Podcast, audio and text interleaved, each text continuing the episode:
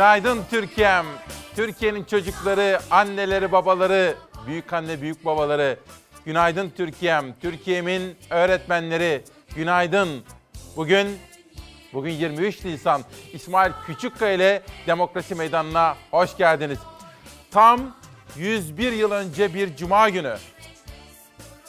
Bizim kahramanlık destanlarımızın en büyüğü. Milli mücadelemizi veren meclisimiz, milli iradenin tecelligahı, bir kahramanlık öyküsü, bir destan. Bugün anlayacağız, hem kutlayacağız, anlamına varacağız, hem de ne olduğunu, nasıl olduğunu hatırlayacağız. Bilmeyenler öğrenecek, unutanlar hatırlayacak. Bugün coşacağız efendim. Özel bir gün, özel bir sabah. Bugün bayram. Hoş geldiniz. Bugün 23 Nisan. Yönetmenim Tom Akin'den rica ediyorum. Gazetelere başlıyoruz. Önce Hürriyet gazetesi. Bugün 11'e kadar hem haber yolculuğumuz devam edecek hem 23 Nisan'ı milli mücadele kahramanlarımızı anlayacağız efendim. Herkes öğrenecek diyoruz ve hürriyette başlıyoruz. En güzel armağan. Egemenlik kayıtsız şartsız milletindir sözünün en büyük güvencesi olan Türkiye Büyük Millet Meclisi'nin 101. yaşını büyük coşkuyla kutluyoruz diyor. İşte bugün manasına varacağız efendim, manasına. Bizler yalnızca coşkuyla kutlayanlar değil, aynı zamanda onun perde arkasını bilen, anlayanlar olmamız gerekiyor. Özel yayınlarımız var, bağlantılarımız var Ankara'dan ve sürprizlerimiz var. Hepiniz artık çok iyi biliyorsunuz. İstanbul işgal edilince 16 Mart 1920'de atamız Mustafa Kemal daha sonra kendisini Atatürk yapacak ve dağılmakta olan işgal altındaki bir imparatorluktan bizim devletimizi kuracak bir yolculuğa çıkacaktır efendim. 23 Nisan'ın öyküsü İstanbul'un işgal edilmesiyle başlar. 16 Mart 1920, 19 Mart'ta da atamız bir karar verir. Der ki bizim bir kurucu meclise ihtiyacımız var. Günaydın. Herkes uyandı mı? Önce çocuklarımızı sevgiyle, saygıyla selamlıyorum. Sonra hastalarımıza geçmişler olsun diyorum. Sonra hasretlik çekenlere kavuşmaları dileklerinde bulunmak istiyorum. 7'den 70'e hepinizin dünyanın dört bir tarafında yaşayan kardeşlerimiz, soydaşlarımız dahil olmak üzere bayramınızı kutluyorum. Cezaevlerinde olup da aileleriyle, sevdikleriyle özgür günlerde buluşmayı dört gözle çeken, iple çeken kader mahkumlarını da selamlıyorum. Günaydın Türkiye'm. Bugün 23 Nisan hava durumuyla başlıyoruz. Hafta sonu hava soğuyor. Cumartesi Marmara, Kuzey Ege ve Batı Karadeniz yağışlı olacak. Pazar günü ise Marmara'ya ilave olarak tüm Karadeniz, Ege, iç kesimler ve doğuda bulutlu hava ve yağış etkili olacak. Yağışla birlikte cumartesi Marmara'da ardından yağışın etkili olduğu tüm batı ve kuzey kesimlerde hava bir kademe soğuyor. Balkanlardan yağış yaklaşıyor. Bugün gün tüm yurtta açık bir gökyüzüyle başlasa da zamanla Balkanlardan yaklaşan yağışın öncü bulutları Marmara'da semayı sarıyor. Bulutlar gün içinde Marmara bölgesinde gökyüzünü kapatacak. Güneşli gökyüzüyle başlayan gün Marmara'da zamanla kademe kademe bulutlanabilir. Güneşin önü bulutla perdelendikçe hava serinleyecektir. Bugün yurt genelinde yağış beklentisi yok. Marmara dışında gökyüzü açık. Bolca görülen güneş hissedilen sıcaklığı arttırıyor. Akdeniz'de Ege'de gün ortasında mevsim yaz gibi hissediliyor. Cuma Marmara'da semayı saran öncü bulutlar cumartesi günü yağış getirecek. Cumartesi günü önce Marmara bölgesinde zamanla Ege bölgesi ve Karadeniz'in batısında hava kapatacak. Yağışlı hava Kuzey Ege, Batı Karadeniz'le Marmara'da etkili olacak cumartesi. Ancak kapalı gökyüzü nedeniyle güneş görülemiyor, hava serinliyor. Hem hissedilen hem de ölçülen sıcaklıklar birkaç derece düşüyor. Pazar günü Marmara ve Ege bölgelerinde hava yine kapalı olacak. İlave olarak İç Anadolu'da ve Karadeniz bölgesinin tüm kesimlerinde de hava kapalı, yer yer yağışlı. Zamanla yağışlar yurdun doğusuna kadar ulaşacağı benziyor pazar günü. Orta şiddette aralıklarla etkili olacak bölgesel yağışlar bekleniyor. Sıcaklıklarsa pazar günü bir kademe daha düşüyor. Başta Marmara ve Karadeniz olmak üzere kapalı gökyüzü ve yağışlı hava yurtta havayı soğutacak. Yağışlı ve kapalı havayla düşen sıcaklıklar pazartesiden itibaren yeniden birer ikişer artışa geçecek.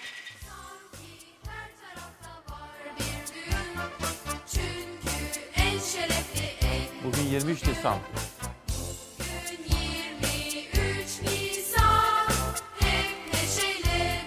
Çocukluğunuzdaki bayram coşkusunu yaşayın istiyorum. Bugün bunu yaşatacağız ama anlamanızı da anlamamızı da istiyorum efendim. Bu böyle tarih kitaplarından değil sadece bir gerçek destanın öyküsü. Bakın Milliyet Gazetesi'nden Görkem Evci ne yapmış? Şu fotoğrafa bir bakın da işte 101 yıl önce olanları hatırlayın Türkiye'm. Osmanlı İmparatorluğu işgal altındadır. 16 Mart 1920'de İstanbul işgal edilmiştir. Mustafa Kemal bir yolculuğa çıkmıştır. O yolculuğun sonunda kendisi Atatürk olacak. Dağılmakta olan işgal altındaki bir imparatorluktan modern bir devlet kuracaktır efendim. Türkiye Cumhuriyeti'nin öyküsü. Milli mücadeleyi kim verdi? Ha söyleyin bana. Tabii ki dedelerimiz, ninelerimiz hepsi. Bütün farklılıklarını bir tarafa bırakarak ve millet bunu Atatürk'ün önderliğinde Türkiye Büyük Millet Meclisi'nde yaptı efendim. İşte bugün onun günü. Yeni bir ulusun, yeni bir devletin ortaya çıkış öyküsü. Bugün, bugün 23 Nisan diyorum, Hürriyet'ten Sözcü'ye geçiyorum. Sözcü gazetesine bir bakalım. Ataya söz verdiler diyor. 23 Nisan Ulusal Egemenlik ve Çocuk Bayramı kutlu olsun. Ataya söz verdiler. Çocuklarımızla yapılan röportajlar, çocuklarımızın yazdığı mektuplar var. Mesela bakın. Her 23 Nisan'da and içiyorum. Hayatım boyunca kurduğun cumhuriyeti savunacağım diyor. Ülkü teyzemin ve Bünyamin amcamın da torunları. Ve işte Türkiye'nin ülküsü, Türkiye'nin iyiliği, Türkiye'nin esenliği. Sözcüden milliyete geçiyorum. Hayat bayram olsa demiş. Pandemi bitse, okullar açılsa, çocuklarımız arkadaşlarına, öğretmenlerine kavuşsa, parklar, bahçeler, sokaklar yeniden kuş cıvıltılarıyla, çocukların neşesiyle yankılansa, sınırlar açılsa, yine düştük, düşsek yollara, barış ve sevgiyle kucaklasak birbirimizi eskisi gibi. Özlemimize boyalarıyla hayat veren 13 yaşındaki Nasperi'nin bu resmi çocuklara armağan olsun diyor. Kalp şeklinde yapmış bakın. Fedakarca çalışan sağlık çalışanlarımızı unutmamış. Pandemiyle mücadele ediyoruz efendim. Bugün aynı zamanda demokrasi meydanında hem bayramımızı coşkuyla kutlarken bir taraftan sağlık çalışanlarımıza ve onların fedakar ailelerine, çocuklarına da selam söylemeyi ihmal etmeyeceğiz. Korona ile ilgili güncel bilgileri de sizlere aktarıyoruz şimdi. Şimdi dünyadaki verilere göre ölümler hastalanmadan sonraki 2 ile 3 hafta arasında meydana geliyorlar. Dolayısıyla bugünlerdeki ölümleri 3 hafta öncesindeki artmaya başlayan olgu sayılarının yansımaları olarak görmek gerekir. Vaka sayıları 60 bin civarında ama yüksek bu sayı can kayıplarına henüz yansımadı. Ona rağmen her geçen gün artıyor hayatını kaybedenler. Son tabloya göre 354 kişi daha koronavirüs mücadelesinde yenik düştü. 24 saatte tespit edilen 54.791 yeni vaka sayısı ne kadar can kaybı getirecek önümüzdeki günlerde belli olacak. Ölüm sayıları artış gösterebilir. Bizim modellemelerimize göre ölüm sayılarında ağır hasta sayılarıyla birlikte bir artış eğilimi halen devam ediyor. Son tabloya göre test yaptıran her 5 kişiden biri pozitif çıkıyor. Yeniden normalleşmeye geçilen 1 Mart'ta vefat sayısı 69'du. Aradan geçen 1,5 ayda can kaybı 5 katına çıktı. Hali hazırda hastalığı hala atlatamayan aktif vaka sayısı ise 550 bini aştı. Çok ciddi önlemler alınmazsa önümüzdeki birkaç gün, bir hafta içerisinde 550 binden daha fazla insanı enfekte edecekler. Yine önlem alınmazsa yeni enfekte olanlar da kendileri kadar en az belki daha fazla insanı enfekte etmeye devam edecekler. Muhalefete göre ise can kayıpları açıklananın daha da üzerinde. CHP'li Mustafa Adıgüzel, 3 büyük şehrin mezarlık kayıtlarından veriler aldı. İddiasına göre 20 Nisan'da sadece İstanbul'da bile 207, Ankara'da 22, İzmir'de ise 32 kişi hayatını kaybetti. Üç büyük şehir açıklanan can kayıplarının tamamına yakınını karşılarken artık her ilde hemen her sokaktan cenaze kaldırılıyor. Öğretmen Fatih Korgancı 36 yaşındaydı. Hiçbir kronik rahatsızlığı yoktu. Covid onu ailesinden ve öğrencilerinden kopardı. O Tekirdağ'da toprağa verilirken Malatya'dan iki kardeşin acısı geldi. Bakkal işleten Hüseyin Berktaş'la Kemal Berktaş kardeşlerin 20 gün önce koronavirüs şüphesiyle yaptırdıkları test pozitif çıktı. Tedaviye alınan iki kardeşten biri akşam, diğeri ise sabahında yaşamını yitirdi. Tabloda soyut halde sayıdan ibaret olan bu somut acıları azaltmak için alınan önlemleri uzmanlar yetersiz buluyor. 23 Nisan Ulusal Egemenlik ve Çocuk Bayramı nedeniyle hafta sonu olan sokağa çıkma kısıtlamasına cuma günü de eklenerek 82 saatlik kısıtlama kararı alınsa da Profesör Doktor Kayıhan Pala'ya göre tam kapanma şart. Bugün itibariyle artık açık havada, açık ortamlarda hastalığın ciddi bir şekilde bulaşmadığını biliyoruz. O yüzden alınacak önlemlerin kapalı ortamlarla ilişkili önlemler olması gerekir. 22 Nisan'daki gelişmeleri Nazlı Yere Basmaz takip etmişti. Gece meydana gelen gelişmelerle birlikte bu haberi güncelleyen de Ezgi Gözeger oldu. Korona ve aşı konusunda başka haberlerimiz olacak efendim. Ve şu marşı bir duyalım Tomakin. İşte. Bugün 23 Nisan çünkü.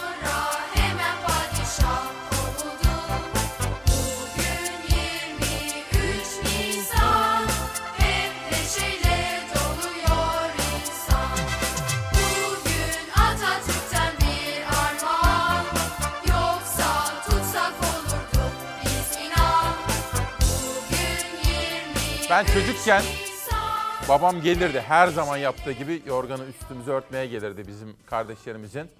Bir bakar ben uyuyamam. Neden? Bayramlarda ben bayram öncesinde uyuyamazdım. Böyle insanın başını okşardı babam. Oğlum uyus, baba yarın bayram derdim. Çünkü bayram coşkusu başka hiçbir şeye benzemez. Böylece hürriyet, sözcü, milliyet derken cumhuriyete geçiyorum. Yaşa 23 Nisan demiş Cumhuriyet Gazetesi'nin editörleri. Yaşa 23 Nisan. Ulusal Egemenlik ve Çocuk Bayramı'nı buruk ama gururla kutluyoruz. 23 Nisan Ulusal Egemenlik ve Çocuk Bayramı tek adam yönetiminin ve salgının gölgesinde kutlanıyor. Geçen yıl olduğu gibi bu yılda 23 Nisan'da sokağa çıkma kısıtlaması uygulanacak. Başkent Ankara'da Anıtkabir ve Türkiye Büyük Millet Meclisi'nde düzenlenen resmi törenler kısıtlı katılımla yapılacak. 23 Nisan coşkusu evlerde, balkonlarda ve sanal ortamlarda yaşanacak. Belediyeler ve sivil toplum örgütleri internet üzerinden çok sayıda tiyatro gösterisi, söyleşi ve müzik dinletisi yayımlanacak. CHP'li belediyelerin süslediği araçlar sokaklarda dolaşarak şarkı ve marşlarla bayram coşkusu yaşayacak. Ve o zaman çocuklarımızı sevgiyle ve saygıyla, evet evet çocuklarımızı sevgiyle ve saygıyla selamlayalım ve bayramlarını kutlayalım. 23 Nisan nasıl sevilmez insan. Bugün 23 Nisan. Bak süslenmiş dört bir yan. Yaşasın 23 Nisan. 23 Nisan kutlu olsun. 23 Nisan kutlu olsun. Yaşasın. Çocuklar geçen yıl olduğu gibi bu yılda evde ama 23 Nisan Ulusal Egemenlik ve Çocuk Bayramı'nın coşkusu kalplerinde. Yine sevgimle uyandım atam. Zıpladım bağırdım kocaman. Bayram bugün bayram. 23 Nisan'da herkes çocuk olsa bir an. Koronavirüs tedbirleri kapsamında sokağa çıkma yasağı olsa da bugün onların bayramı. Heyecanları yüzlerinden okunuyor. Sevinçleri evlerinden sokaklara taşıyor. Yani bugün de her 23 Nisan olduğu gibi her tarafta var bir düğün.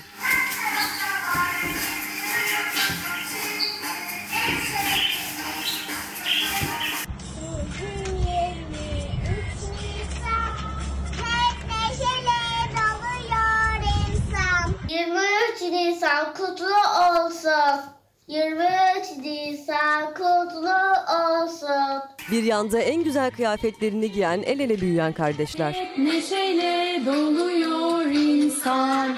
Bir yanda balkonda Atatürk ve Türk bayrağı karşısında şık kıyafetlerle 23 Nisan'ı kutlayan kardeşler.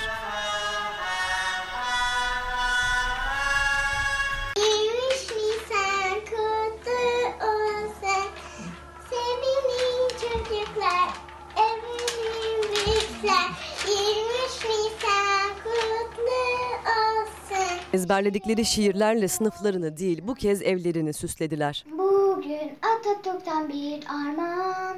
Yoksa tutsak olurduk sen inan.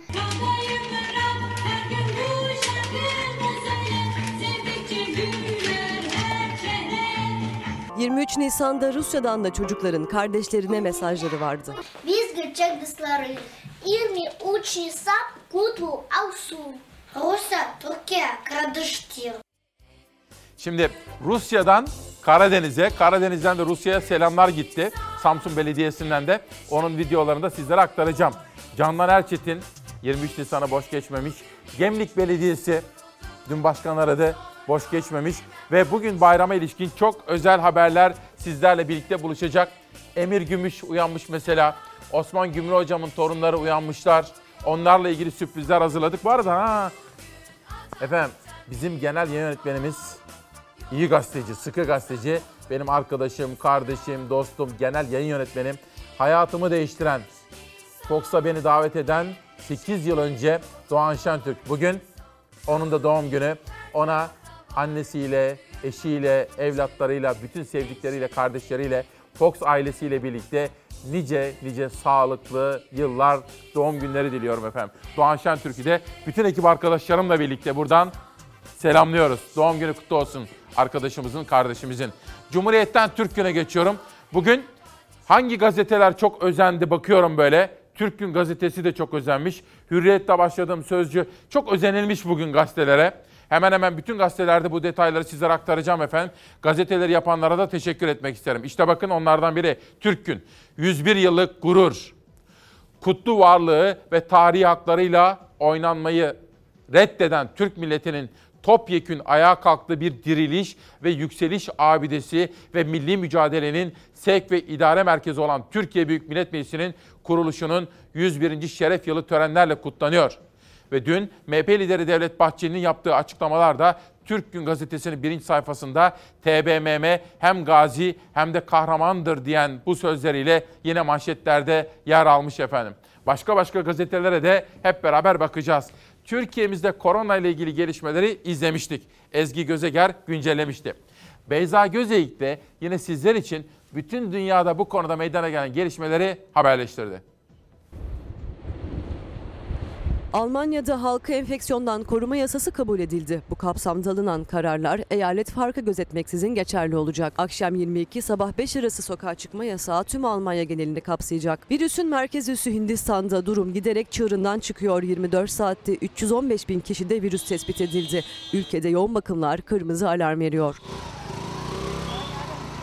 Dünya genelinde virüsle temas 145 milyona doğru tırmanıyor. Avrupa ülkeleri kısıtlamaları kademe kademe kaldırmaya hazırlanırken Almanya'da önlemler artırılıyor. Almanya'da Merkel yönetiminin ülke genelinde geçerli olacak kararlar almasını sağlayacak yasa kabul edildi. Ülke genelinde akşam 22 sabah 5 arası sokağa çıkmak yasaklandı. Yüz yüze eğitim şu an için devam ediyor. Öğretmenlere haftada iki kez test yapılmasına karar verildi. Ülke genelinde müze, sinema, tiyatro salonları ve gece kulüpleri kapalı kalmaya devam edecek. Başarılı aşı uygulaması sonrası Nisan başından beri ekonomiyi açan İngiltere'yi Avusturya takip etti. Ülke genelinde kısıtlama yok, ticari işletmelerse açık. 3 aydır sokağa çıkma kısıtlaması uygulayan Hollanda'da 28 Nisan'dan itibaren kısıtlamalar gevşetilecek. Restoran ve kafeler yeniden açılacak. İtalya ise kısıtlamaların gevşetileceği tarih olarak Mayıs ortasını işaret etti. Öte yandan Danimarka ve İngiltere'den Türkiye uçuşların açılacağı duyuruldu. İki ülkeden Türkiye'ye gelen turistlerden son 72 saatte yapılan PCR testi biraz istenecek. Negatif sonucu olan yolcuların gelişine izin verilecek. Hindistan'da durum içler acısı günlük vakalar 300 binin üstüne çıktı. Sağlık sistemi yoğun bakımların dolmasıyla çöktü. Ülkede kaydedilen bir günde görülen can kaybı 2000'den fazla açıklandı. Ancak bilim insanları hükümetin gerçek rakamları paylaşmadığını, can kayıplarının 5000'in üzerinde olduğunu düşünüyor. Hindistan'da bir hastanede ise korkunç bir olay yaşandı. Oksijen tanklarında meydana gelen sızıntı nedeniyle 22 hasta oksijenin kesilmesi sonucu hayatını kaybetti.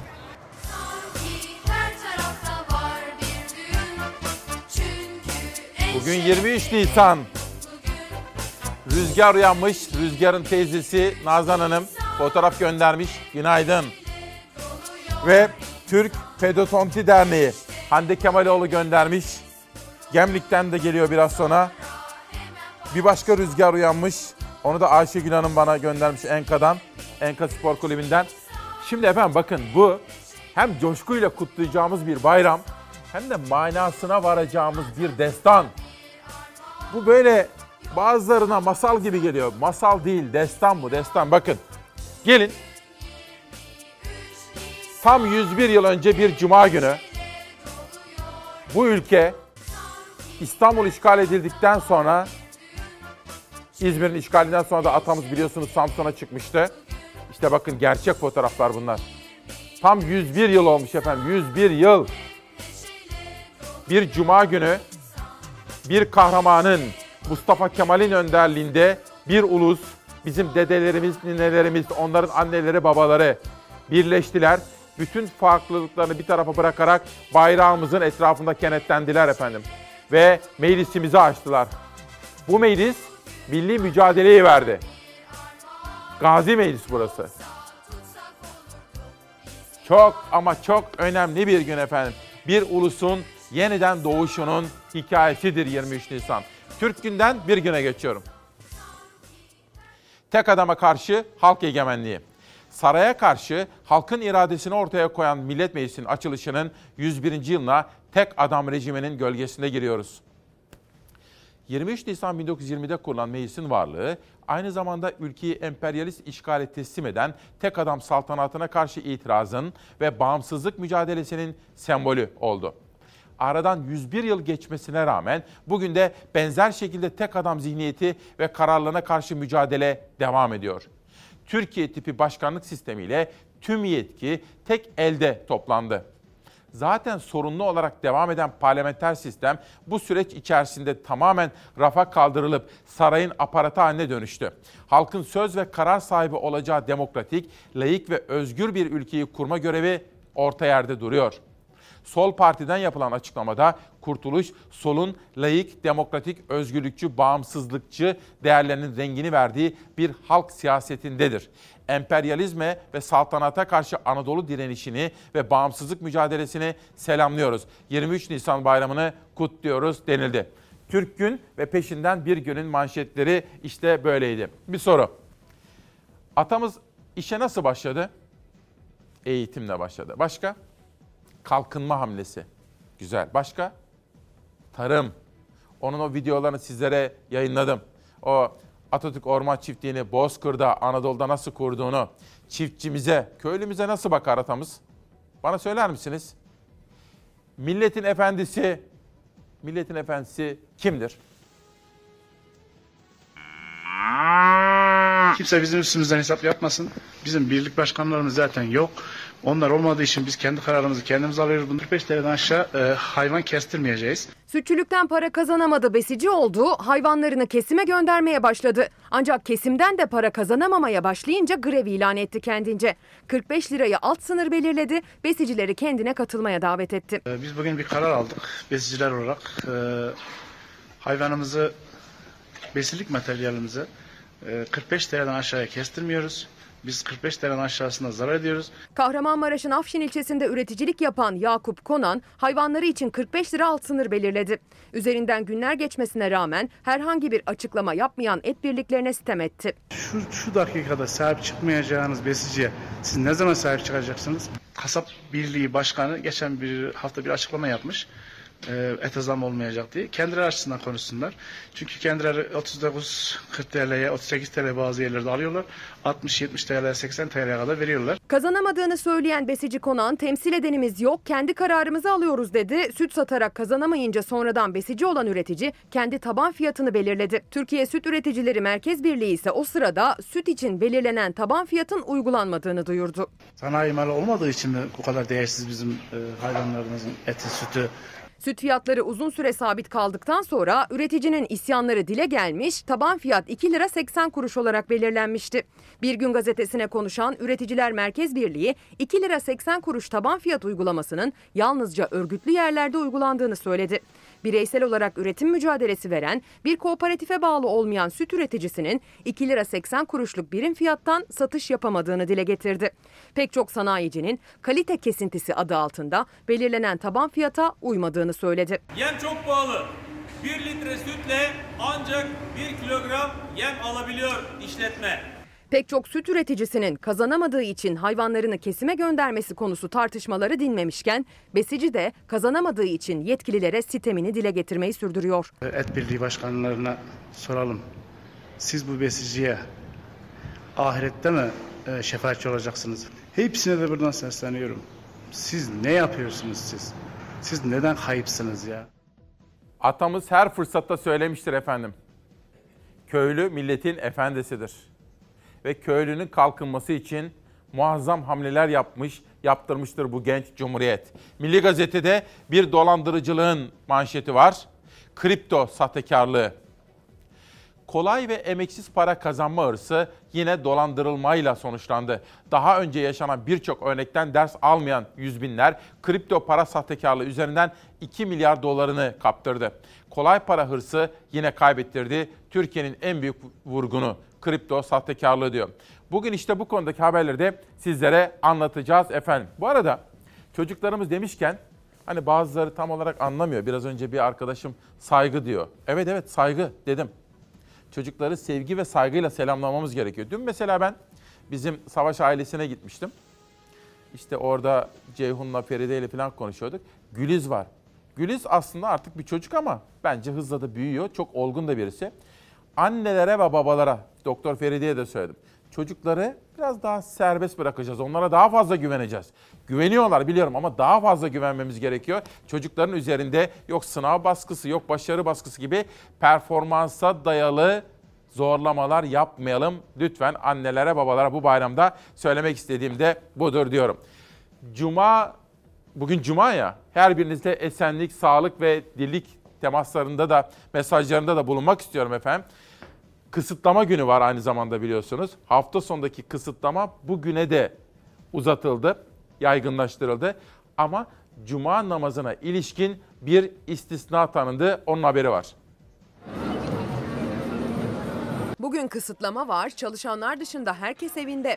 Geçtiğimiz haftalardan farklı olarak resmi tatil olan 23 Nisan Ulusal Egemenlik ve Çocuk Bayramı da kısıtlamaya dahil edildi. Kısıtlama 3 güne çıktı.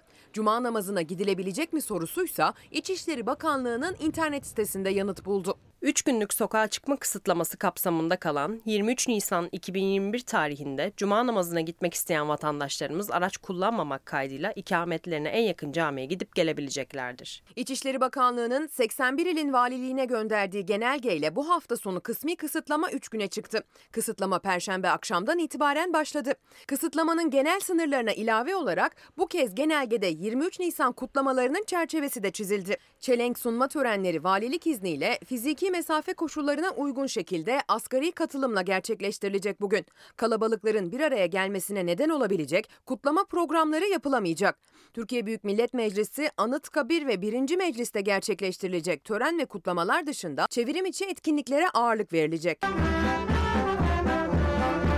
Kısıtlamanın diğer günlük detayları bir önceki haftadan farklı değil. Marketlerin, fırınların çalışma saatleri aynı. Doktor randevusu olanlar, acil sağlık hizmetine ihtiyaç duyanlar, hayvan besleyenler, köpek gezdirenler. Seyahat kısıtlaması gibi konuların detayları bir önceki haftayla aynı.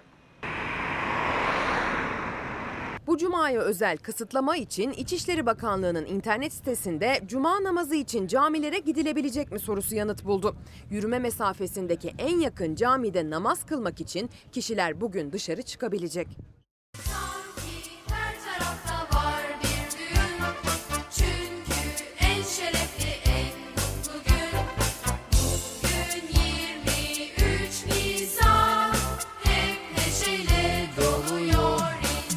Dalga dalga memleketin dört bir tarafına ve dünyadaki kardeşlerimize yayılıyor bu coşku. Betül Şengör mesaj atmış. Müthiş diyor. Çocukluğumuzdaki bayram coşkusunu bize yaşatıyorsun diyor. E onlar da kendi çocuklarına yansıtıyorlar efendim. Betül Hanım'a da buradan teşekkürler ediyorum. Ve bugün işte iki ekip arkadaşım haber yapıyor demiştim. Bu hafta böyle iki arkadaşım haber yapıyor. Editörüm Zeray Kınacı işte böyle bir gazete çizdi Orkun Özgür ile birlikte. Gündem çalışmamızda dün bir buçuk saat boyunca Nihal Kemaloğlu ile yaptık. Biraz sonra bütün ekip arkadaşlarıma tek tek teşekkür edeceğim efendim. İşte bugünkü manşet. Bugün 23 Nisan Ulusal Egemenlik ve Çocuk Bayramımız kutlu olsun. Fakat şurada bir tasih hatası yapmışız. Burada bir kelime de bir hata o Zeray'ın gözünden kaçmış hemen ona bir baksın.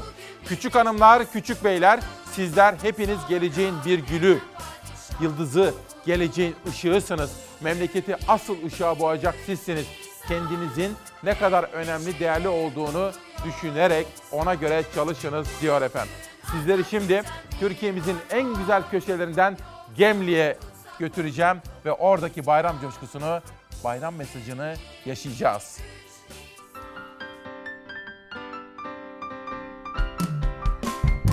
Oynaya oynaya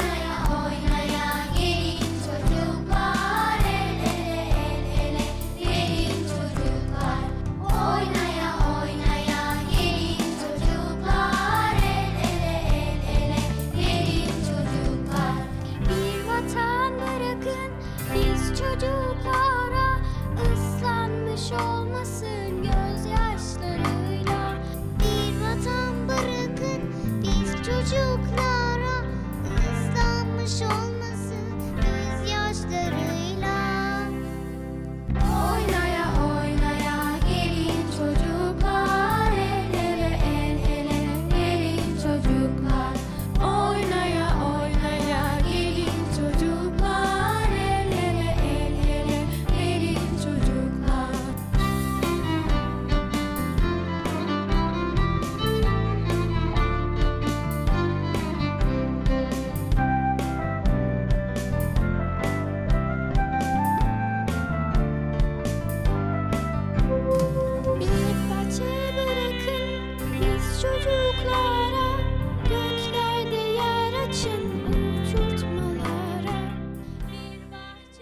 Çok farklı noktalardan bayram coşkusunu sizlere aktaracağım. 23 Nisan 2021 Cuma gününde Millet Meclisimizin açılışının 101. yılında bir bayram coşkusunu yaşıyoruz. Bugün 11'e kadar devam edecek bu sabah buluşmamız içerisinde işte bunun manasını konuşacağız. Onun dışında korona, aşı, aşılama. Sağlık Bakanı dün bilim kurulundan sonra açıklamalar yaptı. Neler söyledi sizlere aktaracağım. Kayahan Pala hocamız başta bilim kurulundan sonra da bilim dünyasından gelen açıklamaları sizlerle paylaşacağım. Ekonomi, 128 milyar meselesi iktidar muhalefet arasında polemik sürüyor. Ona bakacağız. Emekli diyeceğim. Tarım, üretici, çevre haberleri var. Yine adalet arayışındaki insanlarımız mesela Mısra Öz ona 1120 gün sonra bugün de geçmiş olsun diyeceğiz. Yoğun bakımdaki tedavisi devam ediyor. İnsan kaçakçılığı öyküsü var efendim. Ha bu arada Mete Bora. Ben de bizim Engin Güner tarafından tanıştırılmıştım. Mete Bora muhteşem bir kültür sanat insanıydı. Ve onun da 17 Nisan e, 19 2017'de tam da 23 Nisan'da kaybetmiştik. İşte bugün yıl dönümü. Bakalım şöyle. Peki şimdi dün burada Garo Paylan vardı. HDP'nin ekonomi politikalarından sorumlu eş genel başkan yardımcısı hatırlayacaksınız. Tam da o sırada yönetmenim bana dedi ki Tomakin, abi dedi bir son dakika var. Nedir dedim. Tüketici güven endeksi açıklandı demişti. Ben de kendisine de sormuştum. Onun dışında da dün bu konudaki meydana gelen gelişmenin haberini hazırladık. İşte şimdi yorumunuza getiriyorum. AVM'nin 600-700 liraya sattığı içi dışı deri ayakkabıyı, hakiki deri ayakkabıyı e ben burada 200-250 liraya satıyorum. Ki bizde para olmayınca he, haliyle esnafta da e, satış olmuyor. Bizler çalışanız, ihtiyacım var.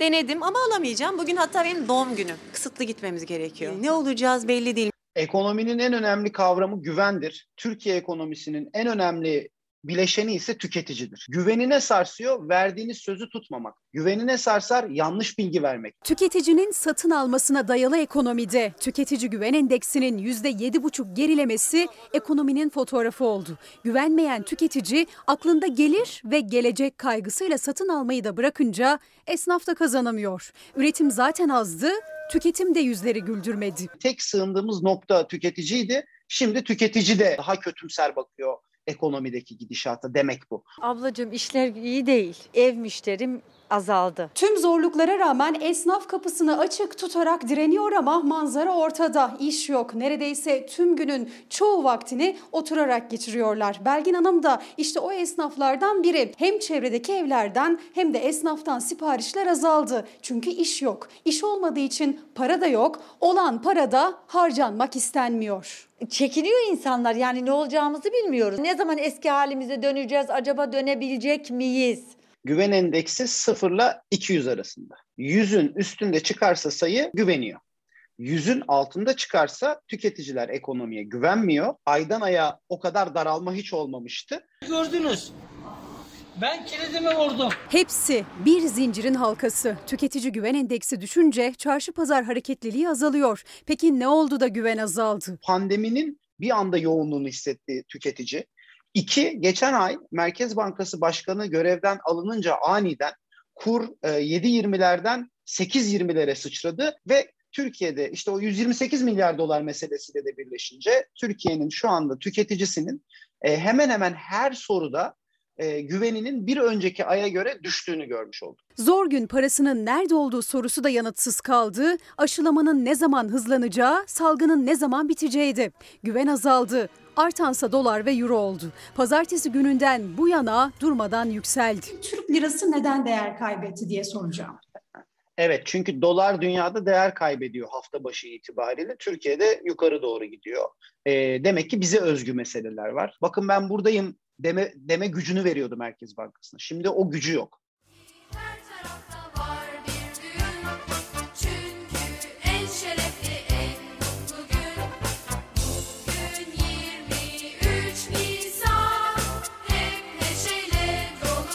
Günaydın Türkiye'm, günaydın Çalar Saat ailesi. Bugün, bugün 23 Nisan.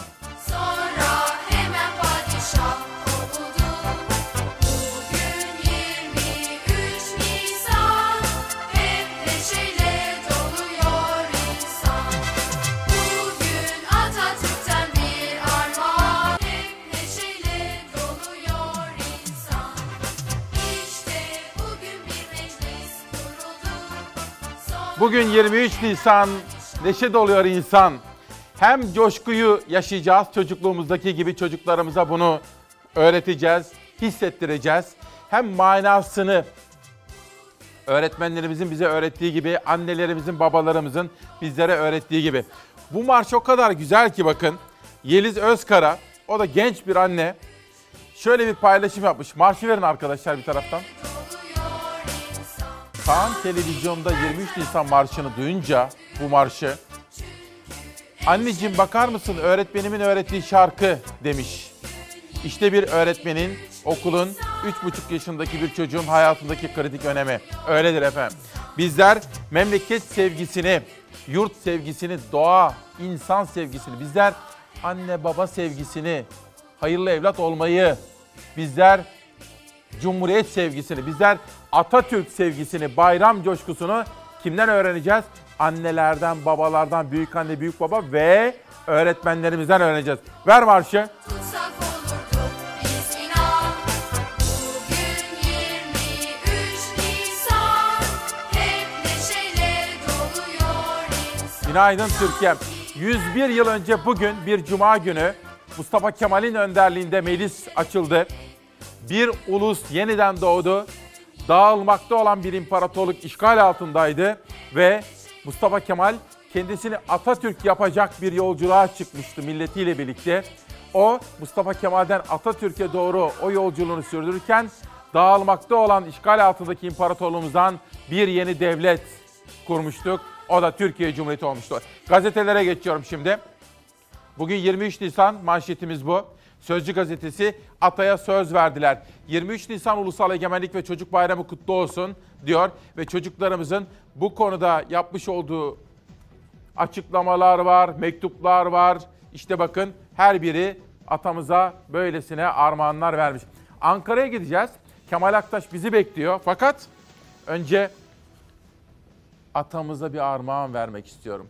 Ama bu defa Barış Akarsu'nun sesiyle. Yollarda bulurum seni.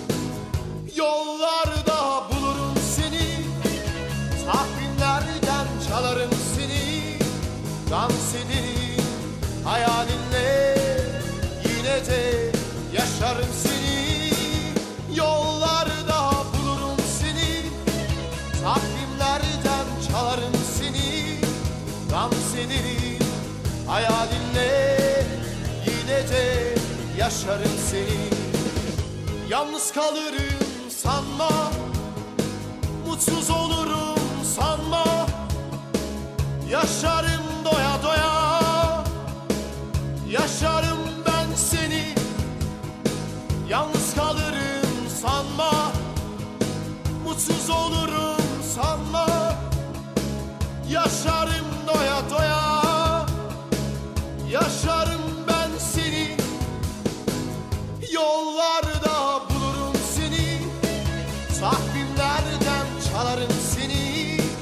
Dans ederim hayalinle Yine de yaşarım seni Yollarda Efendiler, efendiler 16 Mart'ta İstanbul düşman güçleri tarafından işgal edilmişti. Bu işgal gerçekleşir gerçekleşmez hemen aldığım önlemler arasında neler vardı? Bunları huzurunuza anlatmak isterim. İstanbul'un işgalinden sonra aldığım önlemler arasında en önemlisi olağanüstü yetkilere sahip bir meclisin Ankara'da toplanması idi. Ulusal ve vatani görevimizle ilgili karar ve bu kararların uygulanması. Meclisimizin işte en önemli vazifesi buydu. 19 Mart 1920'de yani İstanbul'un işgalinden 3 gün sonra ben bu konudaki bildirimi yayınladım. Önce kurucu meclis demek istiyordum. Lakin Erzurum ve Sivas'tan bu konuda bazı uyarılar alınca olağanüstü yetkilere sahip bir meclis tanımlamasını kullandım diyor. Sonra milli mücadeleyi bizim meclisimiz verdi efendim. Bundan 101 yıl önce bugün, işte bakın, tarihi vesikalar, nutuktan anlatıyorum sizlere. Bir cuma günü Mustafa Kemal Atatürk, milli mücadele kahramanları, ulusumuzun tamamı, Diyarbakır'dan İzmir'e, Mersin'den Sinop'a kadar, Ardahan'dan Edirne'ye kadar Türkiye'nin dört bir tarafında işte bir araya geldiler ve meclisi kurdular. O meclis, o meclis bizim milli mücadelemizi verdi efendim.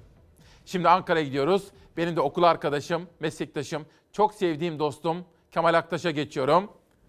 Kemal günaydın, bayramımız kutlu olsun. Nasılsın, iyi misin? Günaydın İsmail Küçükkaya. İyiyim, çok teşekkür ediyorum. Bayram coşkusunu hep birlikte yaşıyoruz. Çocuklar gibi şeniz bugün. Harika.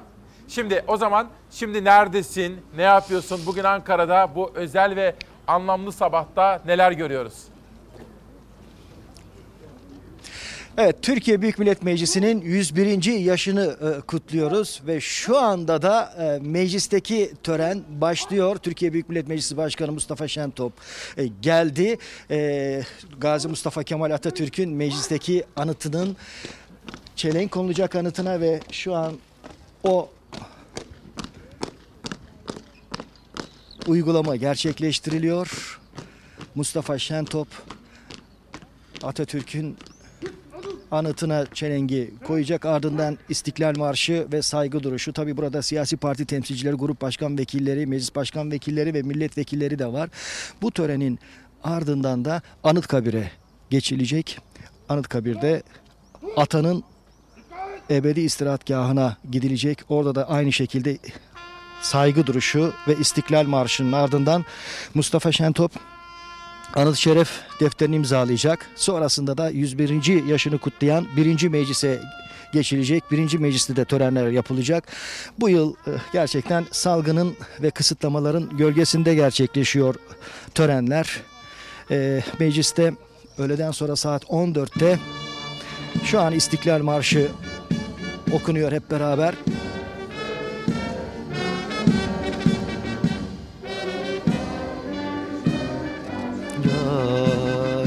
Sönmeden yolumun üstünde. Tütene sonacak o benim milletimin.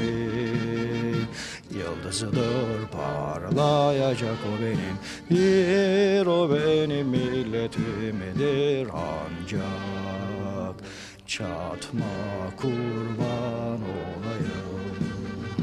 Çehreni ey nazlı hilal kahraman ırkıma bir güne bu şiddet bu celal sana olmaz dökülen. Mı sonra helal akıdır Hakka tapan milletimin istiklal Milli birlik, beraberlik şuur içerisinde iktidarıyla muhalefetiyle İstiklal Marşı hep bir ağızdan okundu. Dediğim gibi birazdan da Anıtkabir'e geçilecek buradan. Ee, öğleden sonra saat 14'te özel oturum yapılacak mecliste. Bu oturumda liderlerin konuşması bekleniyordu ama sadece CHP Genel Başkanı Kemal Kılıçdaroğlu bir konuşma yapacak. Açılışını Meclis Başkanı Şentop yapacak. Cumhurbaşkanının bir programı görünmüyor. Ankara'da İstanbul'a e, geçti. E, Devlet Bahçeli törenlere katılacak konuşmaları yerinden izleyecek Meclis Genel Kurulu'nda. E, o konuşmayacak. E, akşam her e, her e, 23 Nisan akşamında yapılan meclisteki resepsiyonsa salgın tedbirleri nedeniyle e, yapılamayacak, gerçekleşemeyecek. E, salgının gölgesinde dediğim gibi e, çünkü dün akşam saat 19 itibarıyla sokağa çıkma ve kısıtlama önlemleri e, başladı. 82 saatlik bir kısıtlama sürecine girdik. Sabah pazartesi sabahı saat e, 5'e kadar bu önlemler devam ediyor. Dolayısıyla bayram kutlamaları, bayram coşkusu da bir anlamda bu kısıtlamaların gölgesinde gerçekleşiyor. E, belediyeler, kamu kurumları, kuruluşları aracılığıyla belki işte fener alayları, araç konvoyları yapılacak. Balkonlarımızda ama biz de evlerimizde aç- as- açıcı- e, asacağımız bayraklarla balkonlarımızda, evlerimizde, televizyonlardaki e, e, kutlamaları izleyerek belki de Fox ekranlarındaki e, coşkuyu da e, paylaşarak e, bu bayram coşkusunu, heyecanını e, yaşayacağız diyebilirim İsmail Küçükaya. Kemal Aktaş çok teşekkür ediyorum. Şimdi biz seninle 1989-93 arasında Gazi Üniversitesi'nde İletişim Fakültesi'nde beraber okuduk. Ben senin bu konulardaki hassasiyetini çok yakından bilirim. Çok da sevdiğim bir kardeşimsin, çok sevdiğim bir arkadaşımsın. Bir an aklıma geldi şimdi. Sen ilkokulda neredeydin? Zonguldak'ta mıydın? ederim. Sen mesela çocukken bayramlarda ne yapıyordun? Ne hatırladın şimdi mesela? İlkokulda ben İlkokulda ben e, Karabük'teydim. Karabük e, Soğuk Su Demir Çelik İlkokulu'nda okudum. E, ardından Merkez Ortaokulu'nda. Ben e, çok şiirleri çok severdim. Özellikle Atatürk'le ilgili, bayrakla ilgili şiirleri çok severdim ve e, ortaokulda örneğin e, törenlerde bana şiir okutururlardı. E, 10 Kasım'da olsun, e, işte ba- 23 Nisan'da olsun. E, güzel şiir okuyor bu çocuk diye e, şiir okutururlardı. Şiir okuma yarışmasında da böyle e, birinciliklerin falan vardı. E, sonrasında o hep devam etti. Lisede de e, devam etti. Ortaokuldaki edebiyat öğretmenim tesadüf lisede de aynı şekilde Türkçe edebiyat öğretmeni olarak e, gelmişti derslerimize. O beni Kim o? biliyordu Kim? falan. Adı ne? E, o adı coşkuyu e, çocukluktan böyle doyasıya İbrahim hocamdı. Soyadını şimdi hatırlayamıyorum ama İbrahim Ellerinden e, öpüyoruz e. İbrahim hocamdı. Çok sev ellerinizden ellerinden öpüyoruz bütün öğretmenlerimizin ve baş öğretmenimiz Gazi Mustafa Kemal Atatürk'e de minnetlerimizi, şükranlarımızı iletiyoruz. Bu Ramazan ayının e, rahmetiyle kendisini anıyoruz. Kemal çok teşekkürler. Kamerada kim var şu anda orada? Kamerada Serhat Yağmur arkadaşım var. Size az önce e, buradaki töreni e, Gösterdi, iletti, izletti. Onun da bayramını Yağmur kutluyoruz. İletir evet. misin? İletiyorum Serhat'a. O Çok da size teşekkürler. selam söylüyor. Kafasını, başını sallayarak o da kutluyor sizin bayramınızı. Biz de teşekkürler buradan Kemal. kutluyoruz. Bayramımız Çok kutlu teşekkürler olsun. İsmail Küçükaya. Bayramımız kutlu olsun. Bugün tabii bizim aynı zamanda Doğan Şentürk'ün arkadaşımız, kardeşimiz, genel yayın yönetmenimiz. Bundan 8 yıl önce ben çok uzaklardayken uzun zaman işsiz kalırım diye düşünürken Gezi Parkı'ndan sonra işten ayrılmak durumunda kalmıştım.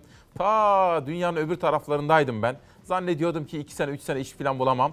Doğan Şentürk beni Fox'a davet etmişti. İşte o Doğan Şentürk'ün bugün doğum günü. Neriman annemizin de onun ellerinden öpüyorum. İyi ki doğurmuş. Rahmetli Ayhan amcamı da saygıyla rahmetli anıyorum. Doğan Şentürk'e eşiyle, Aydan'la, çocuklarıyla, sevdikleriyle, Fox ailesiyle nice sağlıklı ömürler diliyorum efendim. Dün burada bir anneden bahsetmiştim. Hani nutukla ilgili haberler sunarken o annenin adını vermemiştim.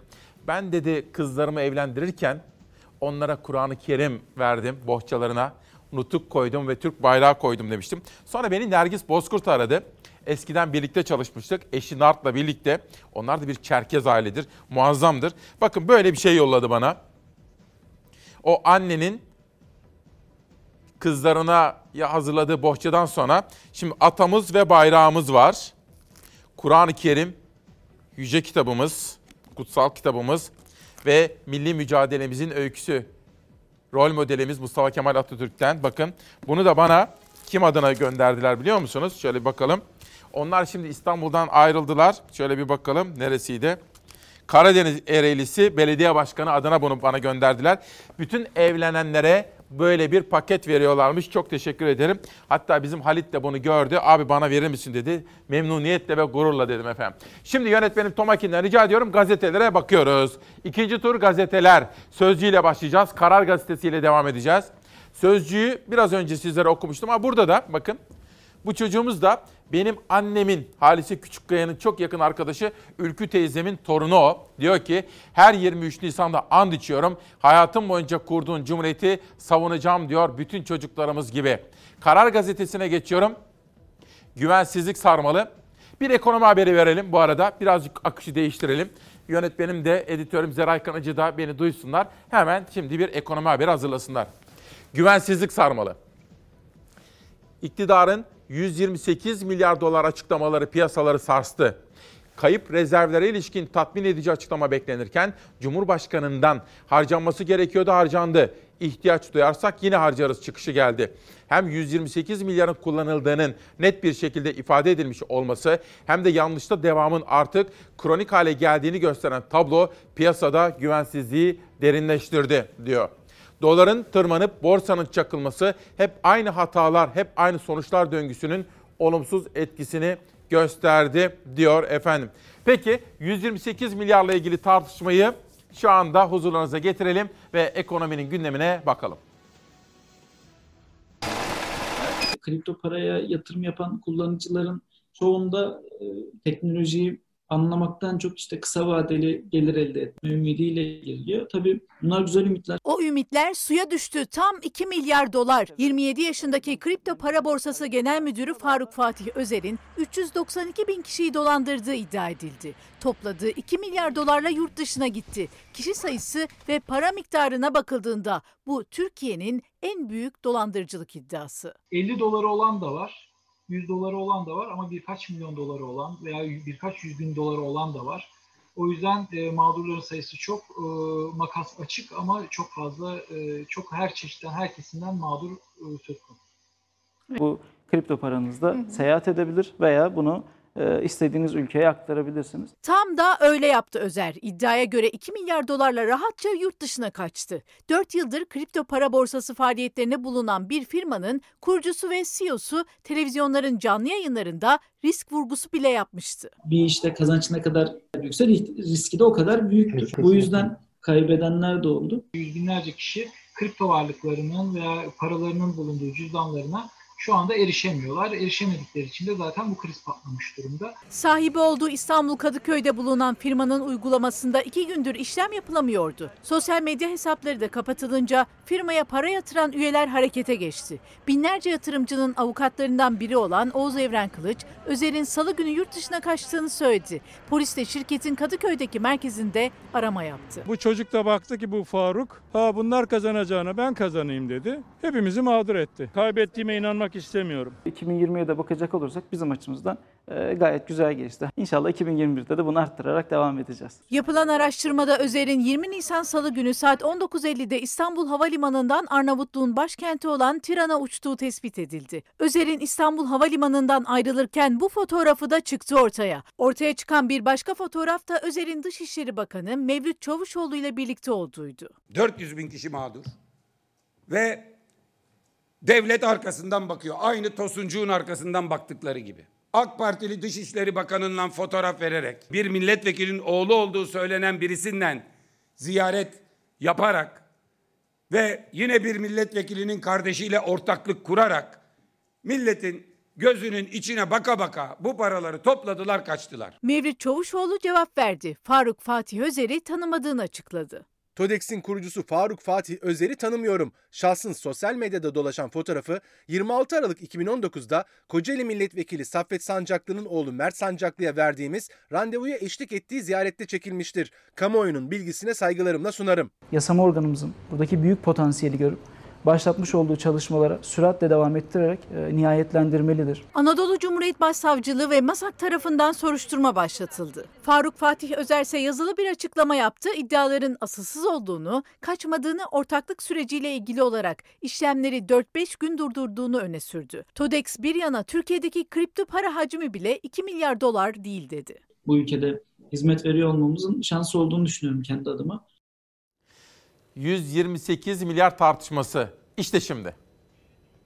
ortada 128 milyar dolar diye gerçekle ilişkisi olan bir rakam yok. 128 milyar doları ne yaptınız, ne kadara sattınız, kime sattınız diyoruz. Bu rezervi turşusunu kurmak için değil, ülkemizin ihtiyaç duyduğunda kullanması için büyütmüştük. Yüzde bir için kullandı. O yüzde yüzün parasıydı. Merkez Bankası 84 milyonun kasasıdır. Cumhurbaşkanı Merkez Bankası'nın rezervi buharlaşmadı. 90 milyar dolar dedi. Ama cari açık, yabancı yatırımcı, özel sektör ve vatandaştaki döviz ve altını adres göstererek döviz satışının yapıldığını söyledi. Muhalefetin her açıklamaya cevabı gecikmedi. Dört kalemde 165 milyar dolarlık bir rakam ortaya çıktı. Tayyip Bey dedi ki 128 de değil 165 milyar dolar sattık dedi. Tayyip Bey 6.20'den bu doları sattığını düşünüyorum damadıyla beraber. Şimdi 8.30 diyorsunuz dolar. 340 milyar TL zarar var. Vatandaşlarımız da 54 milyar dolar karşılığı döviz ve altın alarak tasarruf tercihlerinde değişikliğe gitmiştir. Pazardan alışveriş yapacağım diye alyansımı sattım diyor vatandaş. Ne altından bahsediyorsunuz siz? Reel sektörün talep ettiği kaynakta 50 milyar dolara ulaşmıştır. Reel de, sektör dediğiniz kimler? Büyük sermaye, yandaş sermaye. 100 milyar lira zararımız var. Dolar 10 lira olacak ya 15 lira olacak ya 6 liradan 7 liradan toplayalım dolarları. Ha 10-15'e satarız. Dolar düştü 5 liraya. İsmail Küçükkaya ile Çalar Saat'e konuk olan HDP'li Garo Paylan gibi satılan dövizlerle ilgili muhalefet oklarını Albayrak dönemine çevirdi. Biz satılan rezervlerden kaynaklanan en az 250 milyar liralık kamu zararının peşindeyiz. Talimatları kimin verdiğinin peşindeyiz. Ki yabancı sermaye diyelim ki girdi 5 liradan dolarını bozdurdu. Evet. Siz ona 6 liradan dolarını verdiğiniz zaman ki öyle yapmış damat bey. Demiş ki ben kalın bak burada ben sana 6 liradan kur vermeye devam edeceğim demiş. İşte ortalama 6.20'den yabancı 31 milyar dolar sattı. Bugün dolar 8.20. Yabancının karı ne kadar? 62 milyar lira. Taraflar birbirini suçluyor. 128 milyar doların hesabı kapanacak gibi görünmüyor. Bugün 23 Nisan.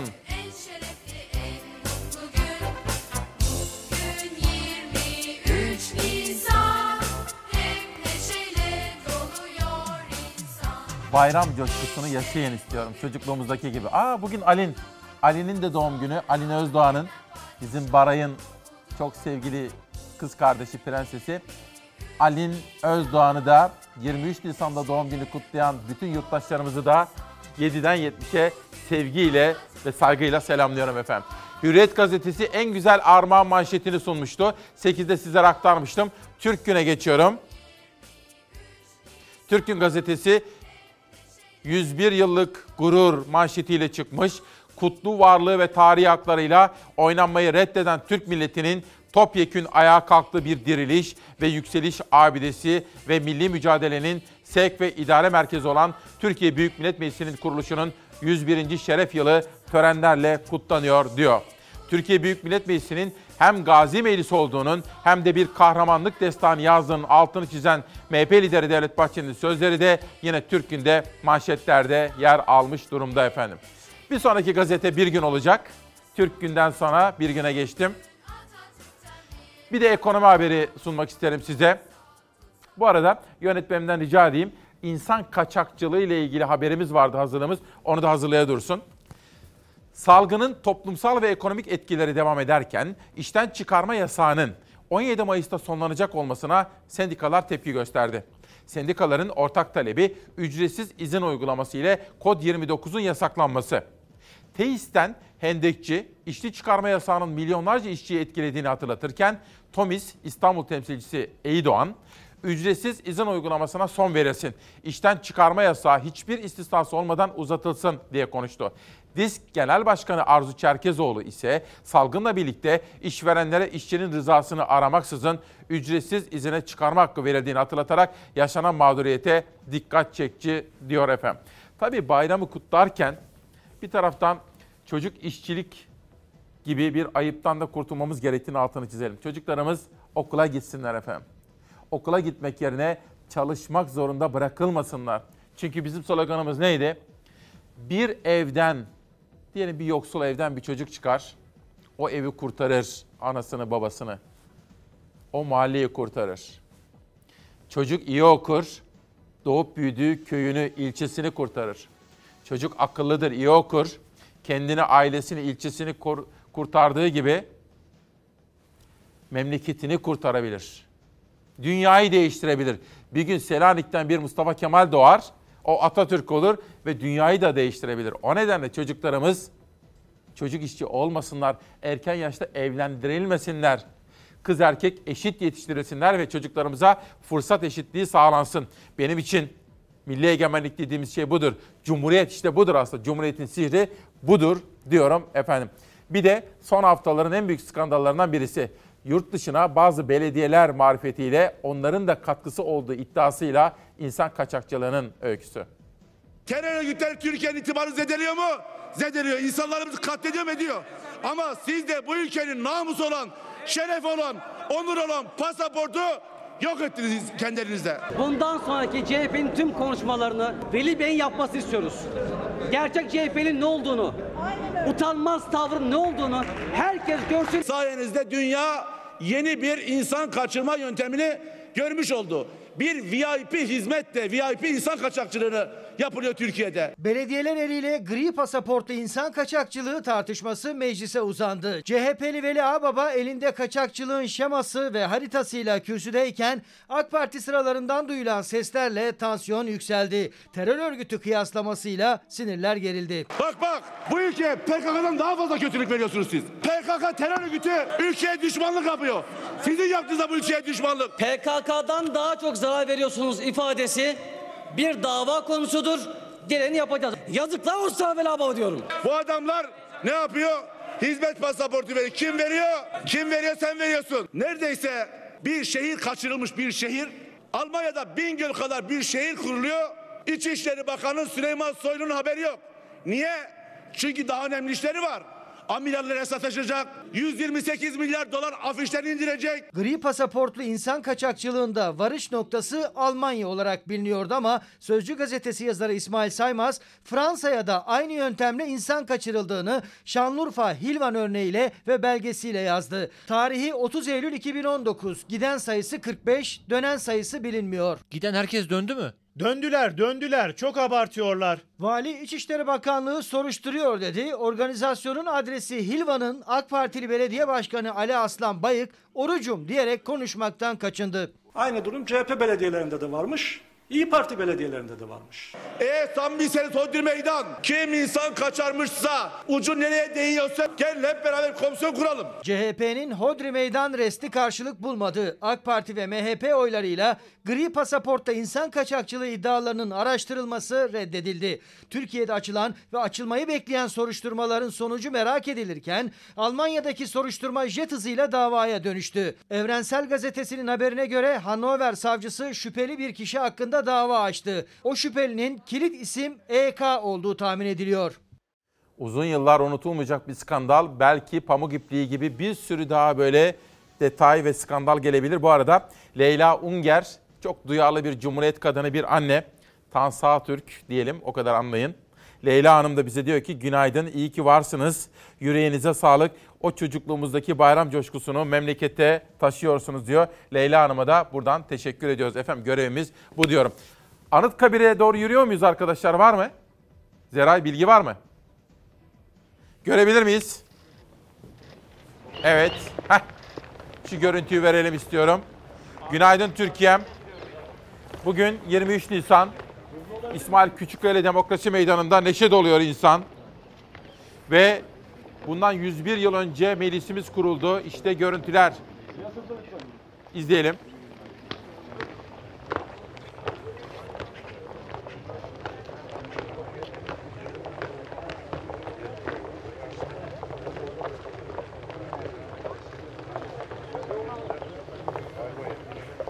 Nutuk'ta Atatürk diyor ki efendiler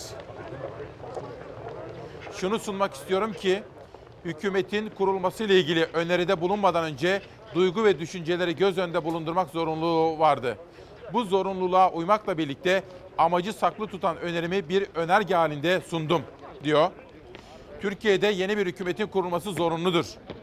Geçici olarak bir hükümet başkanı tanımak diye böyle başlıyor, devam ediyor. Ulusal iradeden bahsediyor ve diyor ki Atatürk Nutuk'ta. Efendiler, efendiler bu ilkelere dayalı olan bir hükümetin niteliği kolayca anlaşılabilir. Böyle bir hükümet ulusal egemenlik temeline dayanan halk hükümetidir. Cumhuriyettir. İşte bugün bu destanın başlangıcı yani cumhuriyetimize atamızın en büyük eserimdir dediği cumhuriyetimize giden yol Milli Meclis tarafından hazırlanmıştır. Şu anda o nedenle devlet erkanını görüyorsunuz. Türkiye Büyük Millet Meclis Başkanı Sayın Şentop'u görüyorsunuz, Profesör Şentop'u. Cumhurbaşkanı Yardımcısını görüyorsunuz, Sayın Fuat Oktay'ı. Ana muhalefet liderini görüyorsunuz, Sayın Kılıçdaroğlu'nu. Pek çok partiden temsilcileri görüyorsunuz. Tabii şunu da söyleyelim, pandemi koşullarında yapılan bir anma, bir kutlama, bir bayram. İnşallah gelecek yıla bu pandemiden de kurtuluruz. Şu anda ekranlarımızda, ekran başında, stüdyomuzda, evlerimizde yaptığımız gibi coşkuyla bayramı yine sokaklarda, caddelerde, memleketin dört bir tarafında Türkiye'mizi yurt dışında temsil eden büyükelçiliklerimizde, konsolosluklarımızda şu anda onlar da coşkuyla kutluyorlar eminim ama pandemi kurallarına uyarak. Bugün kutlu bir gün. Hepimiz adına, halkımız adına, meclisimiz adına, meclis başkanı ve beraberindeki heyet, devletimizin kurucusu, büyük önderimiz Gazi Mustafa Kemal Paşa'yı, Aziz Atatürk'ü bu kutlu günde şükranla anıyoruz. Allah ona rahmet eylesin. Yaptıklarını hiçbir zaman unutmadık, unutmayacağız. Hepimiz onun bizlere bıraktığı emaneti, cumhuriyeti gerçek ve tam bir demokrasiyle taçlandıracağız. Onun bizlere emanet ettiği ve talimat verdiği çağdaş medeniyetler seviyesine ulaştıracağız memleketimizi. Memleketin dört bir tarafında çocuklar okula gidecekler. Fırsat eşitliğinden yararlanacaklar. Ve bütün bunların sağladığı cumhuriyetin ışığı sayesinde her bir çocuğumuz devletin bütün imkanlarını kullanabilecek, devletin bütün makamlarına gelebilecek. Kayseri'den çıkan bir Abdullah Gül Cumhurbaşkanı olabiliyorsa, Kasımpaşa'dan çıkan Recep Tayyip Erdoğan Cumhurbaşkanı olabiliyorsa, Isparta'da doğan rahmetli Demirel, Malatya doğumlu rahmetli Özal Cumhurbaşkanı olabiliyorsa, bu ülkenin bütün çocukları bütün makamlarına gelebilir.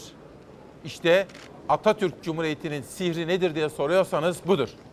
Yani herhangi bir kişinin kulları değil, bir padişahın tebaası değil, kurulmuş modern bir cumhuriyetin eşit haklara sahip yurttaşları, Türkiye Cumhuriyeti'nin yurttaşları. O yurttaşlar her türlü imkanı kullanarak bütün makamlara gelebilirler.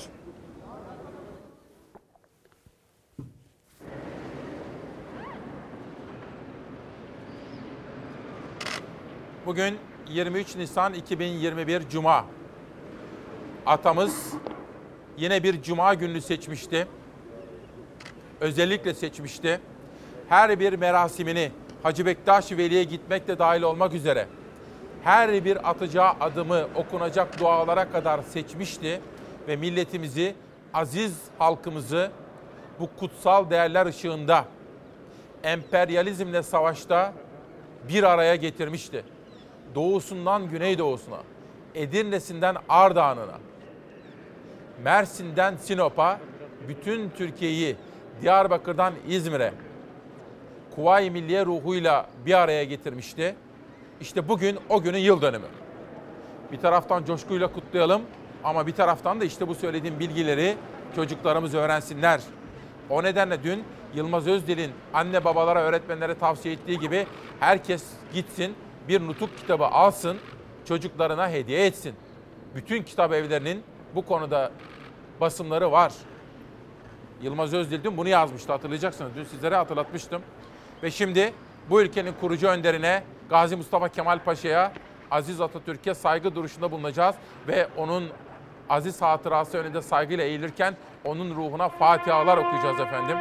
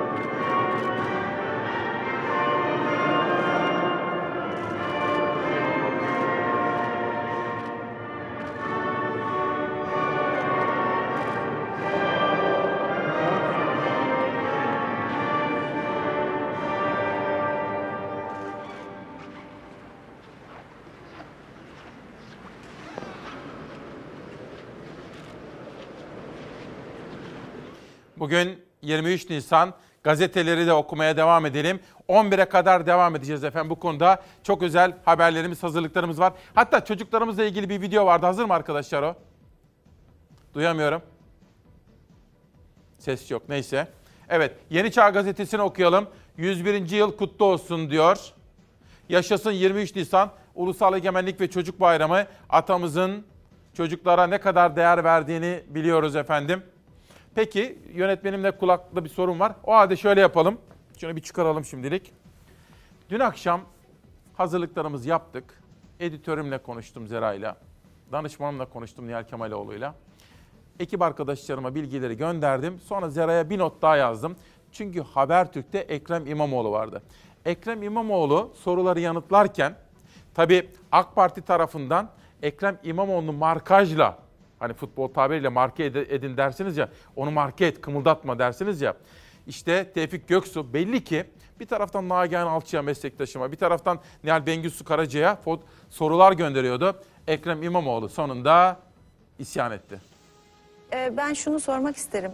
Siz sert tepki gösteriyorsunuz e, Tevfik Göksu deyince ama şunu söylüyor. Nagihan Sizin Hanım siz eğer söyledikleriniz Tevfik üzerine. Bey'den mesajla soru alıp bana soru soracaksanız bu yayın, herkesten- bu yayın bitmez. Ama herkesten mesaj Yani al- kendi herkesten sorarsanız daha güzel olur. Fikir değil, rakamsal bir şey. Tevfik Bey benim muhatabım Tevfik değil. Bey'e söyleyin, Peki. bana yazsın ben söyleyeyim. Evet. Tevfik Bey Soruları benim bana muhatabım değil. Hayır bakın rakamsal bir şey yani AK Parti Tevfik Bey Allah döneminde... yardım etsin Nagihan Hanım. Peki yani Tevfik Bey sosyal Allah yardım, yardım hayır etsin. Niye doğru biliyor değil musunuz? diyebilirsiniz. Üzülüyorum ona.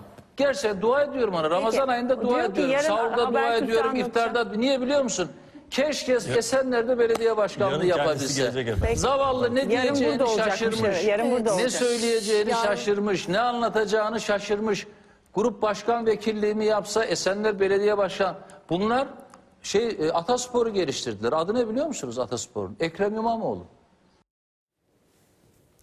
Tevfik Göksu. Hatta Ekrem İmamoğlu dedi ki ya benim kendisine bir tavsiyem var dedi. Ben işe güce odaklanmış durumdayım. Beni engellemeye çalışmasın. Önce dedi kendi yönetmekle sorumlu olduğu ilçede belediye başkanı yapmaya davet ediyorum dedi. Tevfik Göksu için Ekrem İmamoğlu. Şimdi efendim yeni çıkan kitaplara bir bakalım. İskender Biçer. Bugün 15 kitap tanıtımı yapacağım. Bu kitap yeni çıktı. Bu da bugün itibariyle geldi. Bizim ta benim akşam gazetesi günlerinde yazdığımız bir kitap. İlber Ortaylı hocamıza ben sormuştum. İlber Ortaylı hocamız yanıtlamıştı. Bugün itibariyle yeni baskısı yapıldı kitabın. İlber hocam da içinde bir notla bana bunu göndermiş. Kendisine çok teşekkür ediyorum. Cumhuriyetimizin ilk yüzyılı. Yani ben 8 yıldır buradaysam bu kitabında bir 11-12 yıl öncesi var yani. Ta o zaman akşam gazetesi günlerinde Cumhuriyetimizi konuşmuştuk İlber Ortaylı hocamızla. Salgın, korona, aşılama, uygulamalar ve iktidarıyla muhalefetiyle siyasetteki yansımaları. Lebalep kongreleri överek, teşvik ederek yaptılar. Vakalar fırladı. Bu millet bu yaptıklarınızdan dolayı size hakkını helal etmez. Bu iktidar hakikaten koronavirüsten daha tehlikeli. Herkes kendini korusun. Zira iktidardan fayda yok. Salgında işimiz gerçekten Allah'a kaldı. İnsanlar ölüyor, bunlar izliyor demek önce bilim insanlarımıza, sağlık çalışanlarımıza, kurallara uyarak mücadeleye katılan tüm vatandaşlarımıza hakaret etmektir. Risk haritası kırmızı alarm verip vaka ve vefat sayıları rekor üstüne rekor kırarken muhalefet salgın yönetilemiyor dedi. İktidarı bugünkü durumun tek sorumlusu ilan etti. Sağlık Bakanı tepki çeken sorumluluk 84 milyonundur sözlerine açıklık getirdi. Sorumluluk suçlama ya da suçlu bulma manasına gelmez. Birbirimizi korumayı kapsayan kuşatıcı bir birliktelik idealidir. Tam kapanma yapılmadan 14 günde bu virüsün beli hep beraber kırılmadan bir kurtuluş yok. Bunu yapmadıkları için bir yıldır ölüyoruz.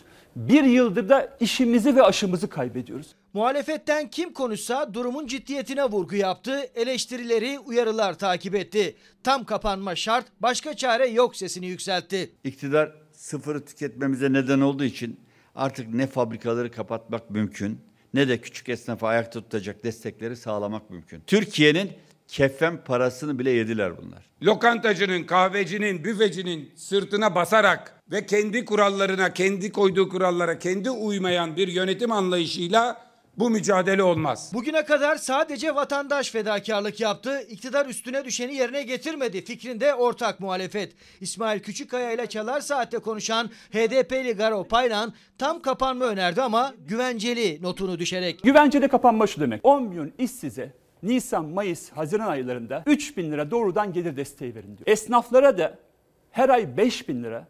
Tam kapanmayı bilim kurulu da istiyor, Sağlık Bakanı da. Sakın ola insanları eve hapsedip başınızın çaresine bakın demeye de kalkmayın. Bu tam sosyal ve ekonomik bir felaket olur. Bir yıldır dilinde tam kapanma muhalefetin ama iktidar geçen sürede bunu dikkate almadı. Gözler pazartesi günü yapılacak toplantılarda tam kapanma çağrısının uygulanıp uygulanmayacağında.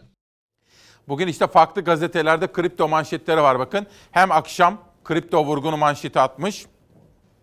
Hem de akşam gibi Türkiye gazetesine baktığım zaman da tabii kripto paralarla ilgili galiba dünya çapındaki ilk büyük vurgun bu. Dolayısıyla çarpıcı bir manşet. Hem akşamda hem de Türkiye'de kripto vurgun için uyarmıştık manşetleri var. Peki bir de her çocuğun bir hikayesi vardır değil mi efendim? Bunu size söyleyeceğim. Her ünlünün de mesela bir Filiz Akın, o da bir çocuktu. Türkan Şoray, mesela Nilüfer. Bakın dün ben onlara ulaşmaya çalıştım. Bu kızımız Türkan Şoray. Şöyle bir bakın. Onlar da neler hissetmişler çocukken. Hemen yanında Filiz Akın.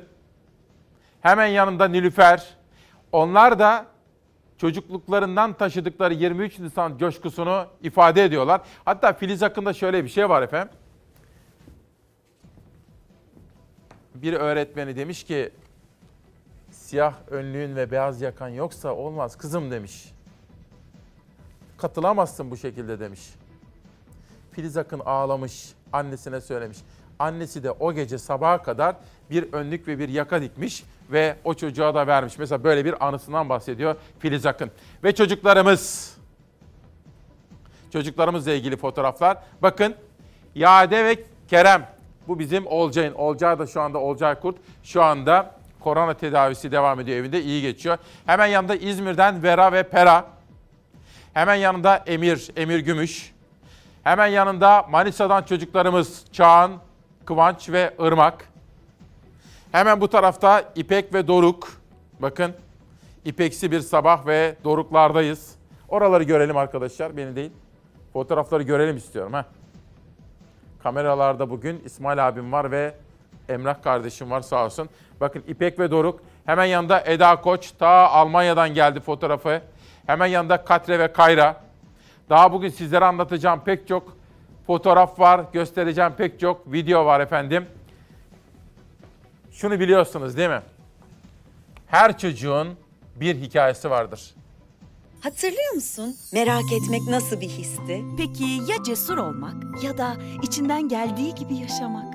Sevginin gücünü keşfettiğin o an neler hissetmiştin? Takım olmanın verdiği güveni keşfettiğinde, aile sevgisini yüreğinde hissettiğinde, hayallerinin peşinden gitmek ne harika bir histi. Sen de hala tıpkı bir çocuk gibi böyle hissedebiliyorsan ne şanslısın. Çocuğun bir hikayesi var. Tabii her zamanki gibi kültürden, sanattan da bahsedeceğiz. Çünkü atamız da bize ne demişti efendim? Sanatsız kalan bir milletin hayat damarlarından biri kopmuş demektir. Dolayısıyla yine ücretsiz bir etkinliğin haberini veriyorum. Herhangi bir parasal karşılığı yok. Bak Beyond Vision, Gökhan Balkan, Mehmet Öğüt ve Özgün Şahin Sabo'da. Çevrim içi bu. Yani online olarak, ücretsiz olarak gezilebilecek sergiler. Artık böyle. Yani internete giriyorsunuz, herhangi bir ücret olmadan müzeleri gezebiliyorsunuz, galerileri gezebiliyorsunuz efendim. Bir de haftanın en büyük skandallarından birisi. Hatta o skandal ortaya çıktığı zaman bir izleyenim de sormuştu. Sayın Erdoğan ne yapar sizce diye sormuştu. Tanıdığım kadarıyla hemen görevden alır. Ben olsam demiştim. Ruslar Pekcan'ın yerine hemen istifa ederim demiştim. Ama istifa etmedi. Erdoğan onu görevden aldı. Aracı bir firmaya dezenfektanı 100 liraya satmış. Aracı firmaya ondan alan piyasaya 150 liraya satmış. Aynı firma Nanoxia doğrudan fatura keserek Ruslar Pekcan'ın Ticaret Bakanlığı'na 175 liraya satmış.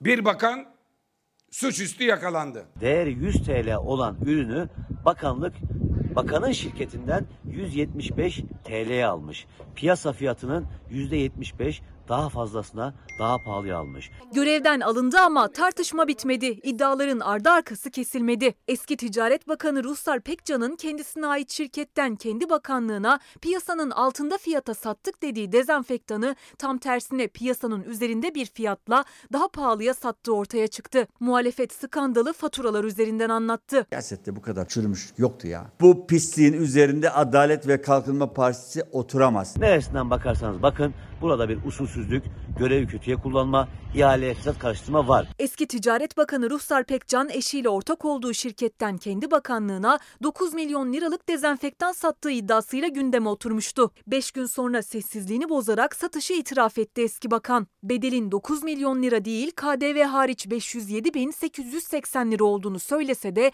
muhalefet iddiasında ısrarlı. 9 milyonluk alışveriş yapıldı. 500 bin lirası bakanlığın bünyesinde bakanlık tarafından yapıldığı alındı. Yaklaşık 8,5 milyon TL'lik alışveriş ise bakanlığa bağlı yan kuruluşlar tarafından gerçekleştirildi.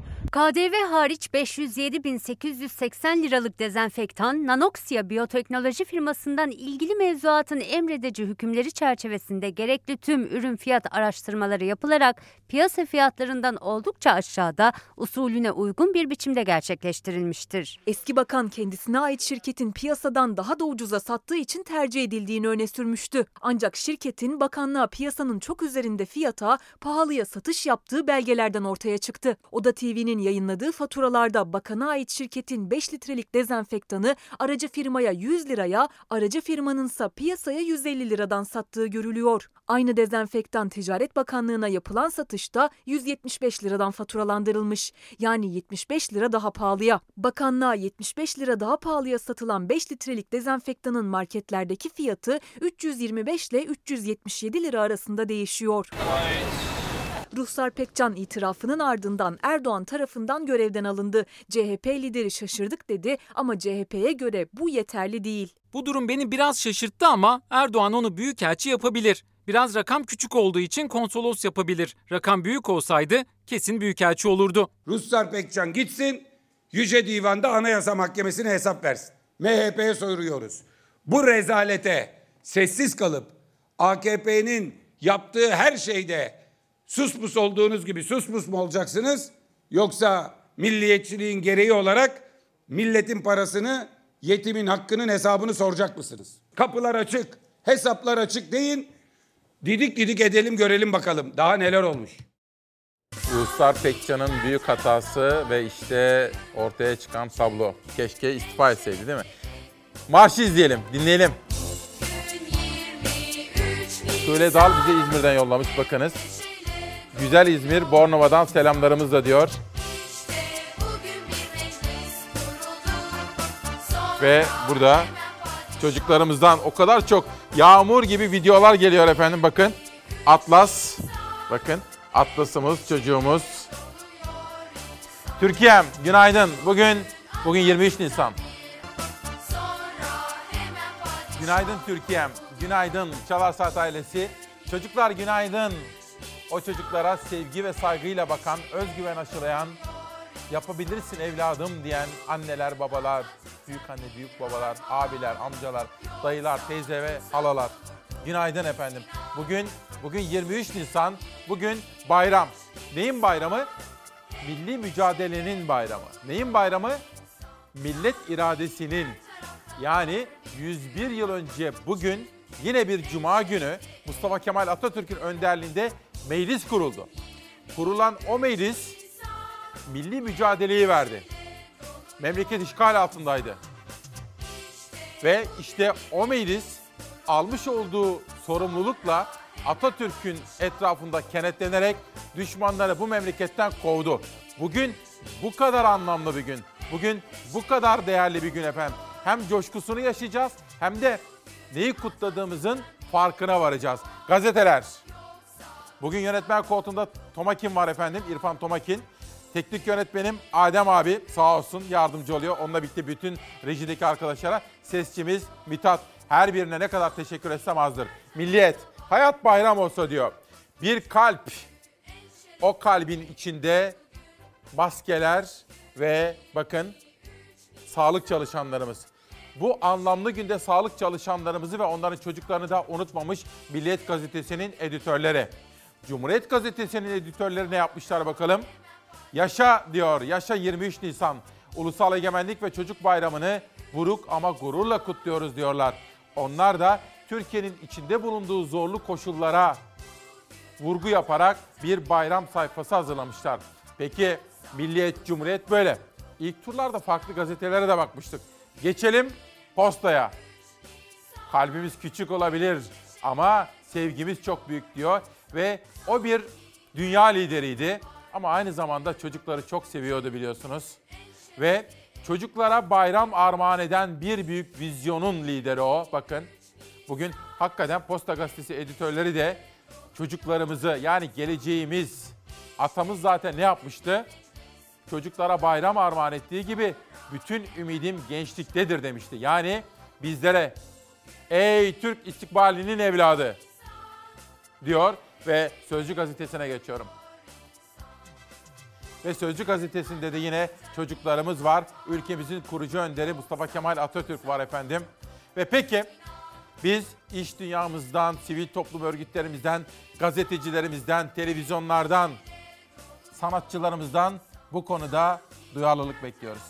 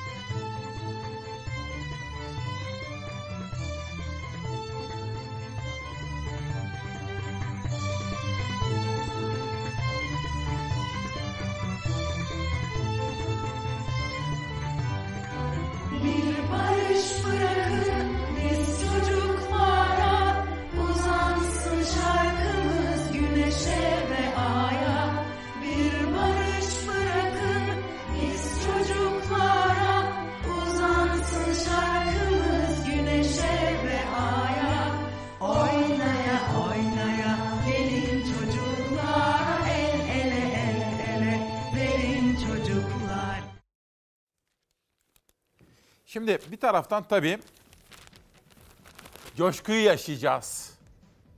Ama bir taraftan manasına varacağız. Biz hayatta böyle bakıyoruz her şeye efendim. Anlamını tam olarak idrak etmeden bir işe yaramaz. Şu fotoğrafa bakın lütfen.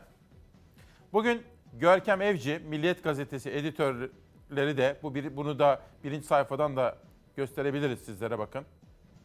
İç sayfada ama içeriden de detayları vardı. Bakın. İşte 101 yıl önce burası Ankara Ulus'taki ilk meclis ve halkımız, ulusumuz orada işte ilk meclisin açılışı. Bugünün manasını anlayalım hadi.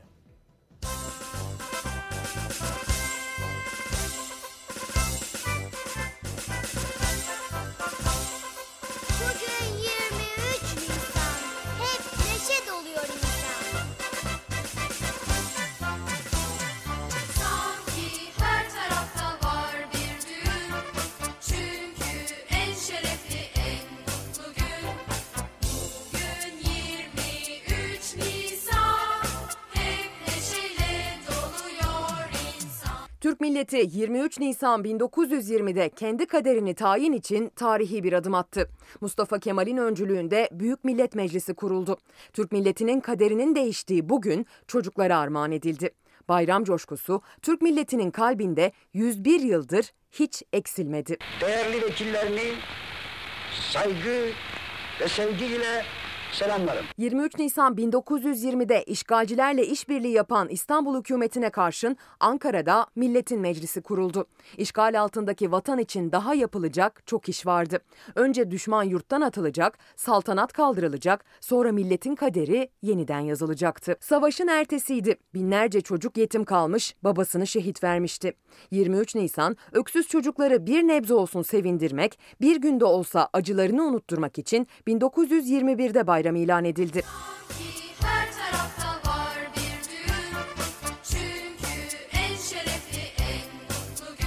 İlk kez çocuk bayramı olarak 1927'de kutlandı 23 Nisan. Ardından her yıl coşku ve büyük bir gururla milli bayrama dönüştü. Sadece adı bayram değildi. Gerçekten bayram havasında kutlanıyordu. Bir armağan.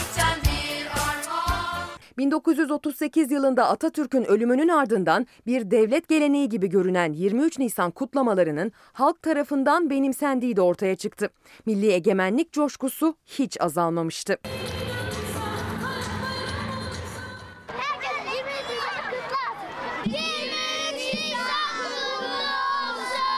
1979'a gelindiğinde ise Milli Egemenlik ve Çocuk Bayramı'nın kapsamı genişletildi.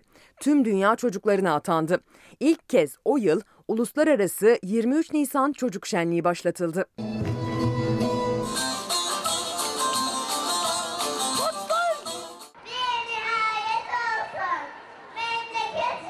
Geçen yıl bayramın 100. yılında sokaklarda olması gereken coşku evlere taşındı. Bugün bir başka aydınlık yeryüzü, bir başka ağaçların, evlerin yüzü. Bugün çocuklar güzel, bugün sokaklar güzel.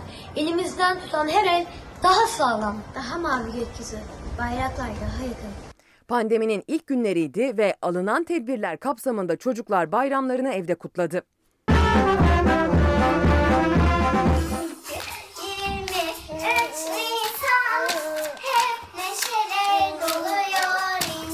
Süreç devam ediyor. Salgın maalesef bitmedi ve Türkiye 23 Nisan Ulusal Egemenlik ve Çocuk Bayramı'nı 101. yılında da evlerinde kutlayacak.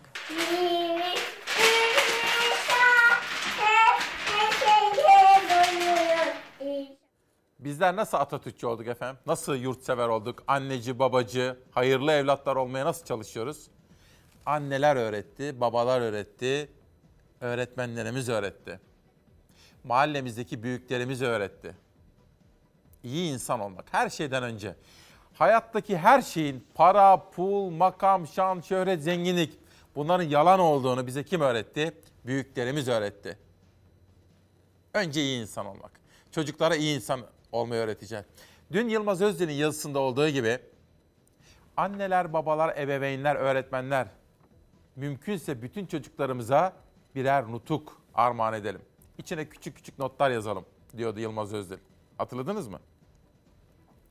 İsmail Bey bizler tayin bekleyen öğretmenleriz. Sorunumuz zorunlu görevimizi yıllar önce tamamladık ama her yıl tayin istemek için tercih bile yapıp yerimizden kımıldayamıyoruz. Ailelerimizi, memleketlerimizi çok özledik. Bakanlık bize hak verdi, kazandık ama hala sonuç yok. Lütfen sesimizi duyurun. Bir tek sesimizi duyuracak siz varsınız diyor. Bunun dışında Türkçe öğretmenleri kampanyalarını sürdürüyorlar, atanmak istiyorlar. Bunun dışında polislerimiz, hemşirelerimiz, din diyanet işleri görevlilerimiz 3600 ek gösterge ile ilgili haklarının ki kendilerine söz verilmişti seçim meydanlarında kendilerine verilmesini isteyen kampanyaları sosyal medyada sürdürüyorlar. Bir de Sağlık Bakanı. Sağlık Bakanı bugünlerde harıl harıl çalışıyor. Pazartesi günü Bakanlar Kurulu toplanacak. Bir taraftan vaka sayılarına bakıyor, bir taraftan vefat sayılarına bakıyor. Alınan tedbirler ve bunun sahadaki yansımalarına bakıyor. Hastaneleri dolaşıyor, bilim kurulu topluyor. Sağlık Bakanı acaba aşılar konusunda en son ne söyledi? İçinde bulunduğumuz hafta başından itibaren vaka artış hızı azalmaya başlamış ve gelecek günlerde düşüşe geçeceği öngörülmektedir. Vaka sayılarında hedeflenen düşüşün sağlanamaması halinde tedbirlerin sıkılaştırılması değerlendirilmiştir. İki aşı türü şu an aktif olarak kullanılmakta ve bunların sayısını arttırmaya yönelik çalışmalarda devam etmektedir. Çok yakında Sputnik ve aşısının da devreye gireceğini belirtmek isterim. Yerli aşı, yerli güç ve güven demektir. Yerli aşılarımızdan insan denemelerine ilk başlayan inaktif aşı adayımız faz 2 çalışmasını tamamlamak üzere son gönüllülerin aşılanması yapılmış ve Mayıs ayı içinde son adım olan faz 3 aşamasına geçecektir. Bu dönemde yaygın olarak aşılama yapma imkanı da olabilecektir. Hafta sonunda tabii kısıtlamalar var ve pazartesi günü bilim kurulu, bakanlar kurulu acaba hangi kararları alacak merakla bekliyoruz. Çalışacağız efendim hafta sonunda. Hem istirahat edeceğiz, kitap okuyacağız, film izleyeceğiz. Hem de bir taraftan çalışacağız. Küçük küçük haber kaynaklarımızda, Ankara'daki haber kaynaklarımızda konuşacağız. Şimdiden söyleyeyim dün mesela Durmuş Yılmaz'ı aradım.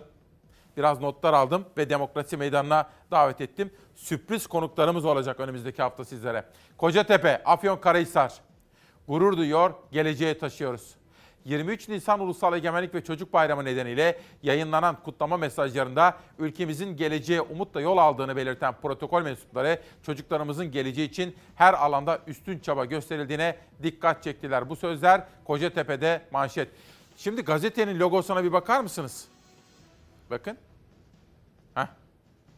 Şu efsane fotoğraf işte bakın. Muazzam değil mi?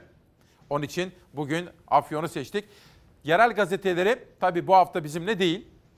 Evden çalışıyor. Çünkü temaslı olduğu için Savaş Yıldız kardeşim seçti. Ona teşekkür ediyorum. Sürekli konuştuk zaten. Evden de çalıştırıyoruz. Home office derler ya, evden çalıştırıyoruz. Antalya, Buruk Bayram. İşte bakın günün manşeti bu. Yaprak Özer. Türkiye'de 22 milyon 614 bin 362 çocuk bulunurken bu çocukların 3,5 milyonundan fazlası ekmek parası için çalışmak zorunda kalıyor. Öte yandan 4 milyon çocuk ise uzaktan eğitime katılamıyor. Bir yandan koronavirüs, bir yandan ise adaletsizlikle boğuşan çocuklar 23 Nisan Ulusal Egemenlik ve Çocuk Bayramı'nı buruk anıyor, pandemi nedeniyle kutlayamıyor. Günün en dikkate değer manşetlerinden birisi Antalya gündemden geliyor. Elazığ'a geçelim. Haberkent gazetesi CHP'nin Elazığ milletvekili Gürsel Erol manşette demiş ki bir öneride şehit Osman Paşa'mızın adı Elazığ Havalimanı'na verilsin. Bence de verilsin. Doğru. Hatta dün Cumhurbaşkanı Erdoğan çok yerinde bir vefa gösterdi. Eski başbakanlardan Yıldırım Akbulut'u kaybettik biliyorsunuz. Onun adını Erzincan Havaalanı'na verdi. Gürsel Erol da yine makul ve yerinde bir vefa önerisiyle çıkmış ve şehidimizin adı Elazığ Havaalanı'na verilsin diyor. Doğudan Ege'ye geçiyorum. İzmir gazetesi Yeni Asır 18 milyarlık vurgun manşetiyle çıkmış efendim. 400 bin kişinin yatırım yaptığı kripto para borsası TODEX'in kurucusu Fatih Özer'in yapmış olduğu açıklamalar ve şu anda MASAK ve Mali Polis bu işin peşinde efendim. İddialar vahim 400 bin kişinin dolandırıldığı şeklinde efendim. Bir de muhalefet aylardan beri bir soruyu gündeme taşıyordu. Önceki gün Adalet Kalkınma Partisi'nin meclisteki grup toplantı sonunda konuşan Adalet ve Kalkınma Partisi lideri ve Cumhurbaşkanı Erdoğan bu konuda topa girince polemik bir başka boyuta taşımış oldu. 128 milyar dolar nerede kampanyası aleni bir ihanet, aleni bir saldırı, aleni bir hançerleme vardır. Sen 128 milyar doları rezervi tüket. Hainlik budur. 128 milyar dolar nerede diye sormak hainlikse sizden korkacak değiliz. Sorduk cevap yok. Bir daha sorduk. Bir daha sorduk. İhanetin en büyüğü ne biliyor musunuz? Bu 128 milyar doları hiç etmektir. Bu paranın hesabını vereceksiniz. Hem Merkez Bankası yönetimi hem de 128 milyar doların siyasi ayağı olanlar verecekler. Merkez Bankası'nın 128 milyar doları ne oldu sorusunu muhalefet sormaya devam edeceğiz resti çekti. Bir gün önce Erdoğan 128 milyar dolar tartışması yalan, yaygara, terane dedikten ve konuşmalara sınır çektikten sonra hatlar gerildi. Aynı teraneleri tekrar eden hiç kimseyi masum kabul etmeyeceğiz. Sen bu paranın hesabını verene kadar biz sana bunu sormaya devam edeceğiz. Bunu sormak değil, bu soru karşısında susmak hainliktir.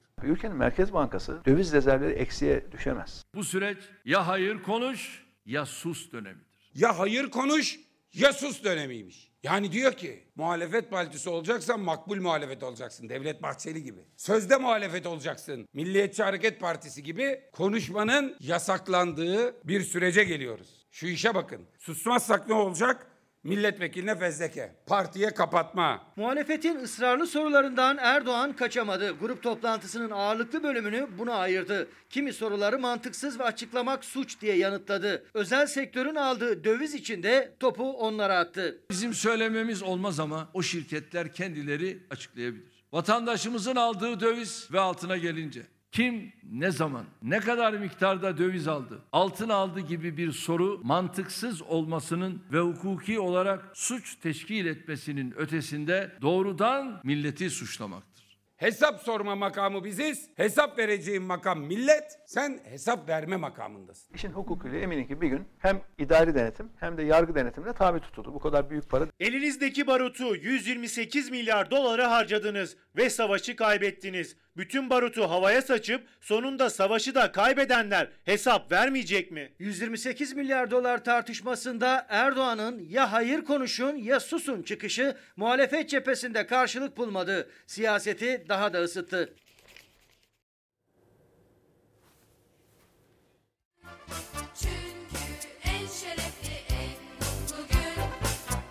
Nasılsınız efendim? İyi misiniz? Bayram coşkusunu dalga dalga Türkiye'ye, Almanya'ya, Irak Türkmenlerine, Kafkaslara, Çerkezlere dalga dalga yayabiliyor muyuz? Amerikalara kadar, Kanadalara. Ve bana bazı fotoğraflar geliyor efendim. Dünyanın dört bir tarafında devletimizi, cumhuriyetimizi, halkımızı, bayrağımızı temsil eden büyükelçiliklerimiz, konsolosluklarımızda Fox vasıtasıyla bu coşkunun kutlandığına dair teşekkür ediyoruz kendilerine. Ve üzerimizde emeği geçen bütün öğretmenlerimize içtenlikle teşekkür ediyoruz. Aydınlanmanın öğretmeni Niyazi Altunya, yayını hazırlayanlar Rifat Güler ve Gökhan Bal, Yeni Kuşak Köy Enstitüleri Derneği yayınlarından çıkmış efendim. Bir tartışma vardı. MHP lideri Devlet Bahçeli'nin bu konuda devreye gireceğine dair bir takım sözlerde bulmuştuk. Bahçeli devreye girmişti. Andımız.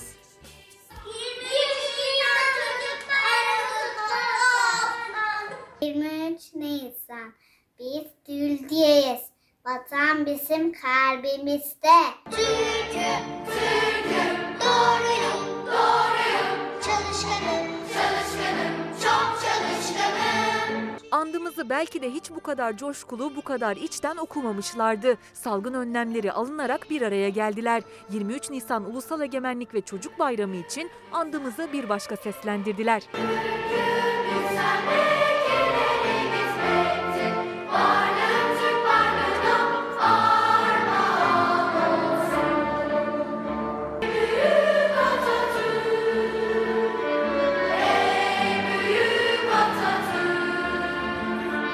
Sadece sesle değil, işaret diliyle de anlattılar andımızı. Fenerbahçe Koleji öğrencileri 23 Nisan Ulusal Egemenlik ve Çocuk Bayramı kutlamalarını andımızla yaptı.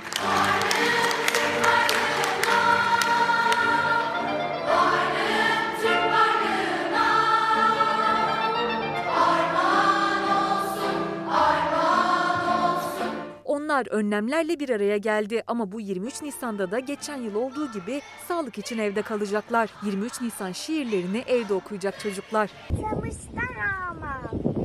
İşte bize bu bayram. Şarkılar söyleyelim, gülelim, eğlenelim. Her 23 Nisan'da atam delil alamıza. Sağımızda, solumuzda. Atatürk öğretmen olmuş bakın. Her zaman baş öğretmen tahta başında.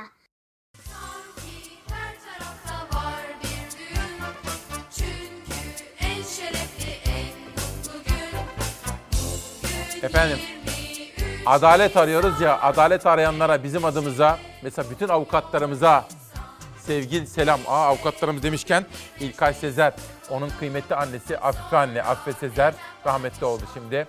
Her bayramda milli ve dini bayramlarımızda mutlaka bana mesaj atardı. Evladım oğlum diye. Afife Sezer anneyi de rahmetle saygıyla anıyorum buradan efendim. Bakın nereden nereye. Mehmet Yılmaz Hakimler Savcılar Kurulu Başkan Vekili diyor ki atamızın ve dedelerimizin o büyük kudretini nasıl küçümseyenler vardı değil mi? Mehmet Yılmaz bize bunu hatırlatıyor. Hakimler Savcılar Kurulu Başkan Vekili. Onlar bütün cihanın kuvvetine karşı milli bir hareket yaratmak. Ne çocukça bir hayal diyerek küçümsendiler.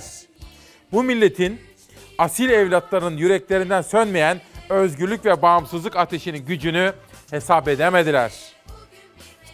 Bundan 101 yıl önce bugün Ankara'dan yükselen misak-ı milli sınırları içinde vatan bir bütündür, bölünemez.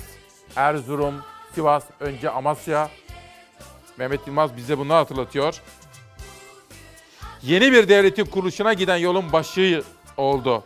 Kurtuluş Savaşı'nın komuta merkezi, milli iradenin tecelligahı Gazi Meclisimizin 101. kuruluş yılı ile 23 Nisan Ulusal Egemenlik ve Çocuk Bayramımız kutlu olsun. Mücadelemizin önderi Türkiye Cumhuriyeti'nin kurucusu Mustafa Kemal Atatürk ve kahraman silah arkadaşlarının ruhları şad, mekanları cennet olsun diyor Hakimler Savcılar Kurulu Başkan Vekili Mehmet Yılmaz efendim. Çocuklar bugün sizin gününüz. Mete kutlu olsun. Şarkılar söylüyor kuşlar.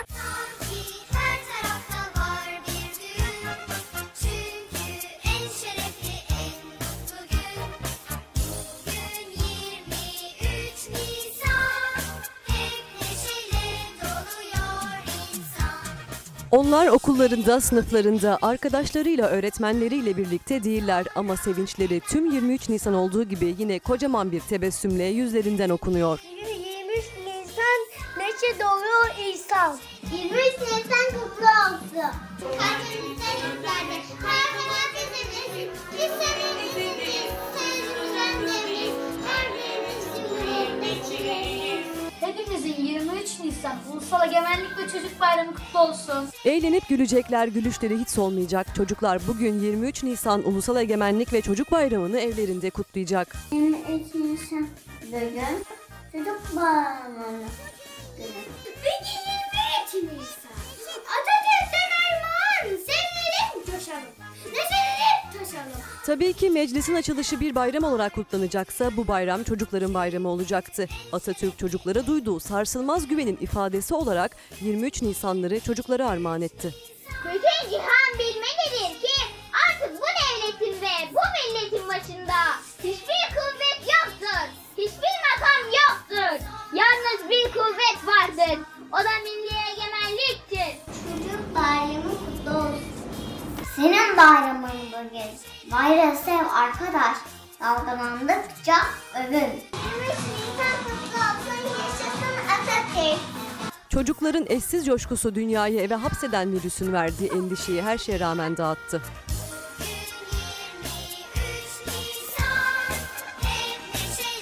doluyor insan.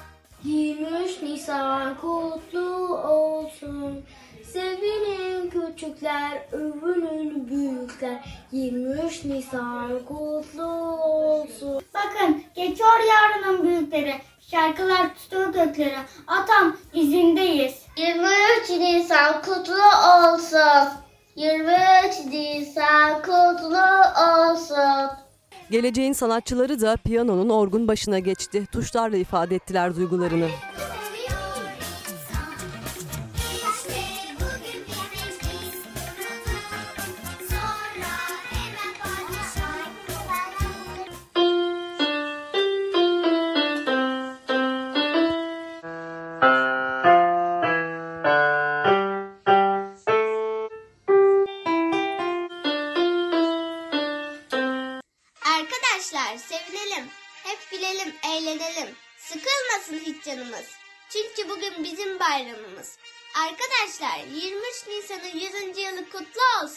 Tatilini Türkiye'de yapan Rus çocukları da Samsun Büyükşehir Belediyesi'nin yaptığı organizasyonla bir araya geldi.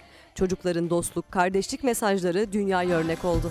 Oynaya oynaya gelin çocuklar el ele el ele verin çocuklar sanki her tarafta var bir düğün Türk Pedodonti Derneği'nden de böyle bir klip gelmişti. Sabahta Gemlik yayınlamıştım sizlere.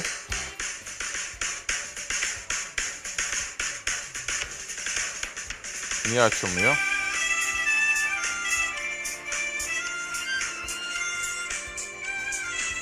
Çocuklarımızdan Atatürk'ün deyişleri.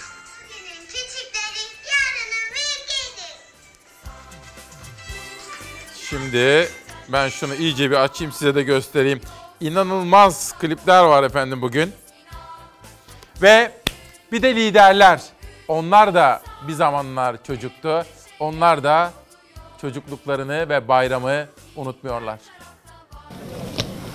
Darbe, junta, vesayet girişimleri ve terör saldırılarına maruz kalan, son olarak da 15 Temmuz 2016'da hain FETÖ'cüler tarafından bombalanan Yüce Meclisimiz, milli iradenin tecelligahı olarak ilelebet varlığını sürdürmeye devam edecektir. 23 Nisan Ulusal Egemenlik ve Çocuk Bayramı dolayısıyla liderler mesajlar yayınladı.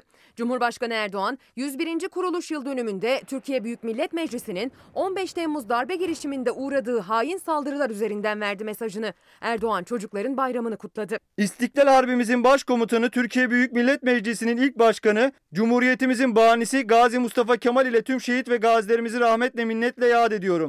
Tüm çocuklarımızın bu müstesna bayramını gönülden tebrik ediyorum. Cumhur İttifakı ortağı MHP'nin lideri Devlet Bahçeli mesajını sosyal medyadan verdi. Hiç kuşku yoktur ki Türkiye Büyük Millet Meclisi Türk milletinin ta kendisidir diye verdi mesajını Bahçeli. Çocukların 23 Nisan Ulusal Egemenlik Bayramı'nı yürekten kutladığını söyleyen MHP lideri meclis milli birliğimizin ebedi güvencesidir dedi. Mayros'u dinliyorum. Seni Yunanistan'a da bekliyoruz. Bir kez gelmiştim bir daha gelirim olur hay hay. Ana muhalefet lideri Kemal Kılıçdaroğlu video konferans yöntemiyle bayramın sahibi çocuklarla bir araya geldi. Görüşmeye güldüren diyaloglar yansıdı. Başka da gelirsiniz mi bize? CHP lideri Kemal Kılıçdaroğlu bayram için yayınladığı yazılı mesajdaysa meclisin bağımsızlığına vurgu yaptı. Türkiye Büyük Millet Meclisi yetkileri kısıtlanmış durumdadır. Cumhuriyetimizin ikinci yüzyılında tüm vesayetler kaldırılacak, meclisin üzerinde demokrasinin güneşi açacaktır. Yaşasın millet egemenliği, yaşasın demokrasi, yaşasın cumhuriyet. İyi Parti Genel Başkanı Meral Akşener ise meclisin kuruluş yıl dönümünü kutladı, millet iradesi vurgusu yaptı. Cumhuriyetimizin banisi Gazi Mustafa Kemal Atatürk ve silah arkadaşlarının tüm dünyaya örnek olan milli irade hamlesinin kıymetini her geçen gün daha iyi anlıyoruz. Yedi düvele karşı verilen mücadelenin karargahı olan Gazi Meclisimiz bazı dönemlerde darbeler alsa da aziz milletimizin iradesinin tecelligahı olarak demokrasimizin kalelerinden biri olmaya devam edecektir. Liderler 23 Nisan mesajlarında çocukların bayramını kutladı, kuruluş yıl dönümünde meclisin önemine vurgu yaptılar. Ve Türk Pedodonti Derneği'nin de şimdi yakaladım.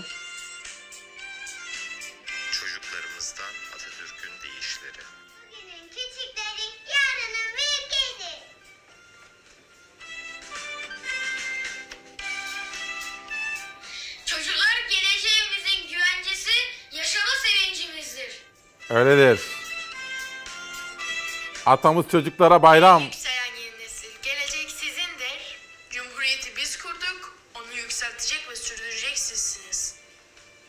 Atamız çocuklara bayram e- armağan etti ve Cumhuriyeti onlara Küçük hanımlar, küçük beyler, sizler hepiniz geleceğin bir gülü, yıldızı ve ilk ışığısınız. ve teşekkür ediyoruz kendilerine. Bu arada biraz evvel Türkiye'mizdeki korona ile mücadele ve aşılama konusundaki gelişmeleri aktarmıştım. Dünyada aşılama konusunda ne olduğunu da şimdi sizlere sunuyoruz. Almanya Avrupa İlaç Ajansı'ndan onay bekliyor. 30 milyon Sputnik aşısı siparişinin eli kulağında. Alman Sağlık Bakanı Jens Spahn aşıda öncelik sıralamasının Haziran'da kalkacağını, herkese aşı teklifi sunulacağını açıkladı. Dünya Sağlık Örgütü ve Avrupa İlaç Ajansı heyeti Sputnik aşısının üretim tesislerini incelemek için Rusya'ya gitmeye hazırlanıyor. Ülkeler aşı telaşında. Geliştirilen aşılardan Rus Sputnik aşısına rağbet artıyor. Moskova ile ön sözleşme imzalayan Almanya aşıdan 30 milyon sipariş etmek istiyor. Avrupa İlaç Ajansı onayladığı takdirde aşılar Almanya'ya gönderilecek. Şu anda ülkede 60 yaş üstüne AstraZeneca, 60 yaş altına Pfizer-BioNTech uygulanıyor. Aşıda yapılan anlaşmalar sorunsuz ilerlerse Almanya'da Haziran ayında öncelik sırası kalkacak. Sağlık Bakanı Jens Spahn bir ay sonra herkese aşı teklifi sunulabileceğini açıkladı. Avrupa'da aşılama yavaş ilerlerken Sputnik aşısına olumlu bakan ülke sayısı da artmaya başladı. Etkinlik oranı %97'den fazla açıklanan aşı için Avrupa İlaç Ajansı ve Dünya Sağlık Örgütü kolları sıvadı. Rusya'yı ziyaret edecek heyet Sputnik aşısının üretim tesislerini gezecek. En geç Haziran'da Rus aşısının Avrupa'da onaylanması bekleniyor. Sputnik aşısı için üretim tesisi açan Arjantin'de şu an kapasite ayda 4 milyon doz. Arjantin hükümeti yıl sonuna kadar kapasitenin yıllık 500 milyon doz olmasının planlandığını açıkladı. Dünya Sağlık Örgütü küresel aşı erişim programıyla son olarak Suriye'ye aşı yolladı. Savaşın büyük hasar verdiği ülkede ne vaka ne de ölüm sayısı tam olarak bilinmiyor. Ülkeye COVAX programıyla 203 bin doz AstraZeneca aşısı gönderildi.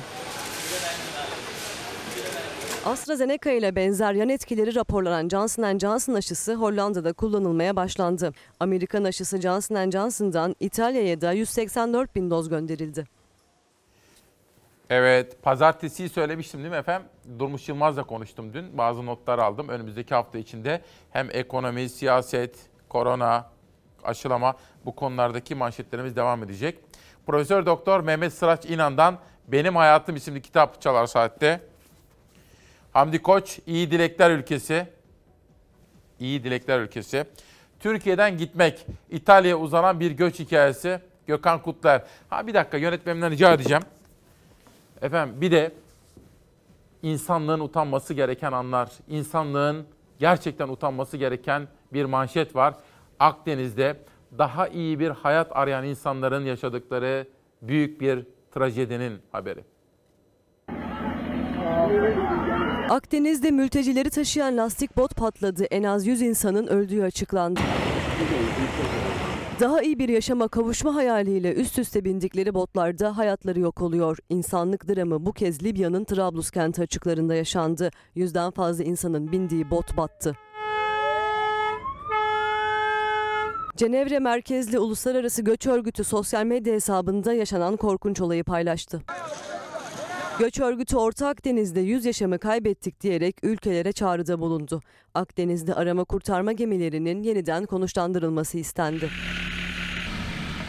Fransız Sivil Toplum Kuruluşu arama kurtarma çalışmalarında hayatta kalan kimseye rastlanmadığını, 10 kişinin cansız bedenine ulaşıldığını ancak batan botta kimsenin hayatta kalma ihtimalinin olmadığını açıkladı. Ve Tahsin Çiftçi, özgül öğrenme güçlüğü olan çocuklar. Ebru Çaloğlu, Arka Bahçe. Bugün şimdi Nihat Hatipoğlu anneler cennetin kapısıdır demiş. Bugünkü yazısını annelere ayırmış.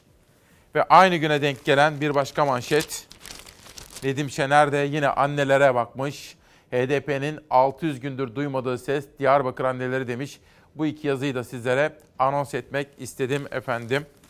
Ve o halde Çalar Saat ailesi olarak bir başka duyarlılığımız için, çevre manşetimiz için şimdi hep beraber Karadeniz'e, Ordu'ya gidiyoruz. Burası bu haliyle sadece ordunun veya Türkiye'nin bir kültür hazinesi değil, aynı zamanda bir insanlık mirası. 2300 yıllık antik kentin altındaki kayada taş ocağı işletiliyor. Yıllardır her gün defalarca patlatılan dinamitlerle parçalanan kaya kütlesi aslında insanlık tarihini taşıyor. Yani şunu hayal edin, Trabzon'da Sümele Manastırı'nın altındaki kayanın oyulduğunu, Başkale Hoşap Kalesi'nin ya da Antalya Alanya Kalesi'nin altındaki kayanın oyulduğunu hayal edin. Kurul Antik Kenti ve Kurul Kalesi sadece ordunun değil, insanlığın sahip çıkması gereken bir tarihçe barındırıyor aslında. Altınordu ilçesindeki Bayadı Mahallesi sınırları içinde kalan antik kentten çıkarılan 2000'in üzerindeki tarihi eserin arasında Kibele ve Dionysos'a ait heykeller de var. Heykellere paha biçilemiyor. Helenistik dönemin en güçlü alanlarından biri olarak tanımlanan Kurul Kalesi'nin Ordu'da turizm için yeni bir destinasyon merkezi haline gelmesi beklenirken kalenin taşıyıcısı olarak tanımlanabilecek kaya kütlesi her gün dinamitlerle patlatılıyor. Dünyanın hiçbir yerinde böyle bir antik kentin altındaki kayanın oyulduğuna, taş ocağı sebebiyle bu şekilde e, çalışma yapıldığına şahit olamazsınız. Taş ocağında çalışmaları durdurun çağrısı yapan CHP Ordu Milletvekili Mustafa Adıgüzel, yerel yöneticilere ve Kültür Bakanlığı'na seslendi. Yani adeta Kuru Kalesi'nin bulunduğu kaya silsilesinin altına oyarak antik kenti herhalde nehirle buluşturmaya çalışıyorlar. Dün işte Bugün bayram 23 Nisan hazırlık yaparken dün bir taraftan Durmuş Yılmaz'ı aradım, bir taraftan işte adı güzeli de aradım. Haftaya da çok çarpıcı haberlerimiz olacak. Bu arada Davut Kil'den, Mersin'den videolar geldi.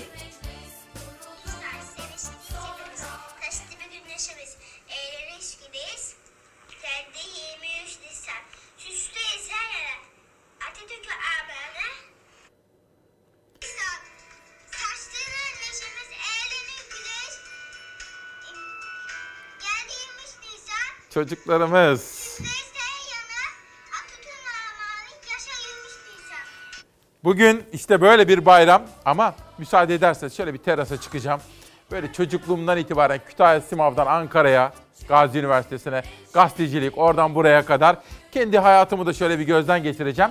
Geleceğim günü ve haftayı birlikte kapatacağız değil mi? Yoksa birlikte kapatmazsak, vedalaşmadan kapatırsak günümüz ve hafta sonumuz güzel geçmez. Erken saatlerde Candan Erçetin'den bakmıştık bayrama. Sonra Barış Akarsu'dan yollarda bulurum seni demiştik. Sırada Barış Manço var. Sen gittin gideli içimde öyle bir sızı var ki yalnız sen anlarsın. Sen şimdi uzakta cennette meleklerle bizi düşler ağlarsın. Bugün bayram erken kalkın çocuklar. Giyelim en güzel giysileri. Elimizde taze kır çiçekleri. Üzmeyelim bugün annemizi. Bugün bayram Erken kalkın çocuklar.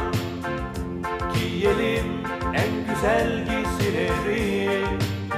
Elimizde taze kır çiçekleri. Üzmeyelim bugün annemizi. Sen yaz geceleri Yıldızlar içinde Ara sıra bize göz kırparsın. Sen Kalbimi ısıtan en sıcak anımsın. Bugün bayram Erken kalkın çocuklar. Giyelim en güzel giysileri. Elimizde taze kır çiçekleri. Üzmeyelim bugün annemizi. Bugün bayram Erken kalkın çocuklar Bir parça hissettirebildim mi size çocukluğunuzdaki coşkuyu? Ben hissettim. Editörüm Zeray da hissetti. Danışmanım Nihal Kemaloğlu hissetti. İki arkadaşım haber yaptı. Beyza Gözlük, Ezgi Gözeger onlar hissetti. Rejideki bütün ekip arkadaşlarım, Tomakin hissetti. Kameralardaki arkadaşlarım hissetti. Bizler hissettik. Fox olarak, Çalar Saat ailesi olarak sizlere bayramınızı kutluyorum efendim. İki kadın onlarca hikaye Bekir Sayar'dan gelen bir kitap. Emine Koç'un Yol Ayrımı, Cezaevleri Gençleri ve Drama Eğitmeni'nin anıları. Ve şimdi sosyal medyada gördüğüm bir fotoğraf bakın. Ali Koç ilk meclisin önünde, atamızın önünde çocuklarla birlikte Fenerbahçe Kulüp Başkanı Ali Koç'u burada gördüm. Ve çocuklarımız, onlar bizim geleceğimiz.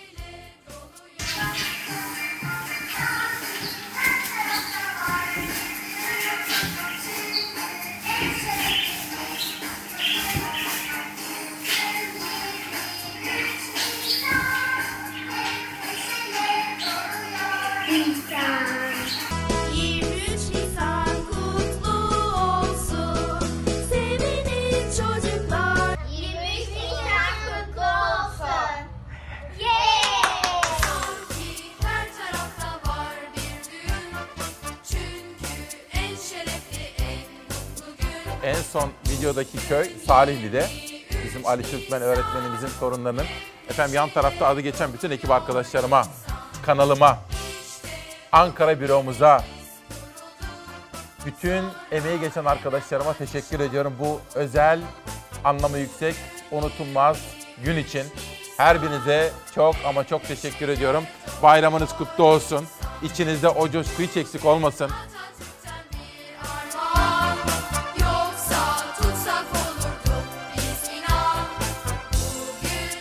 Bir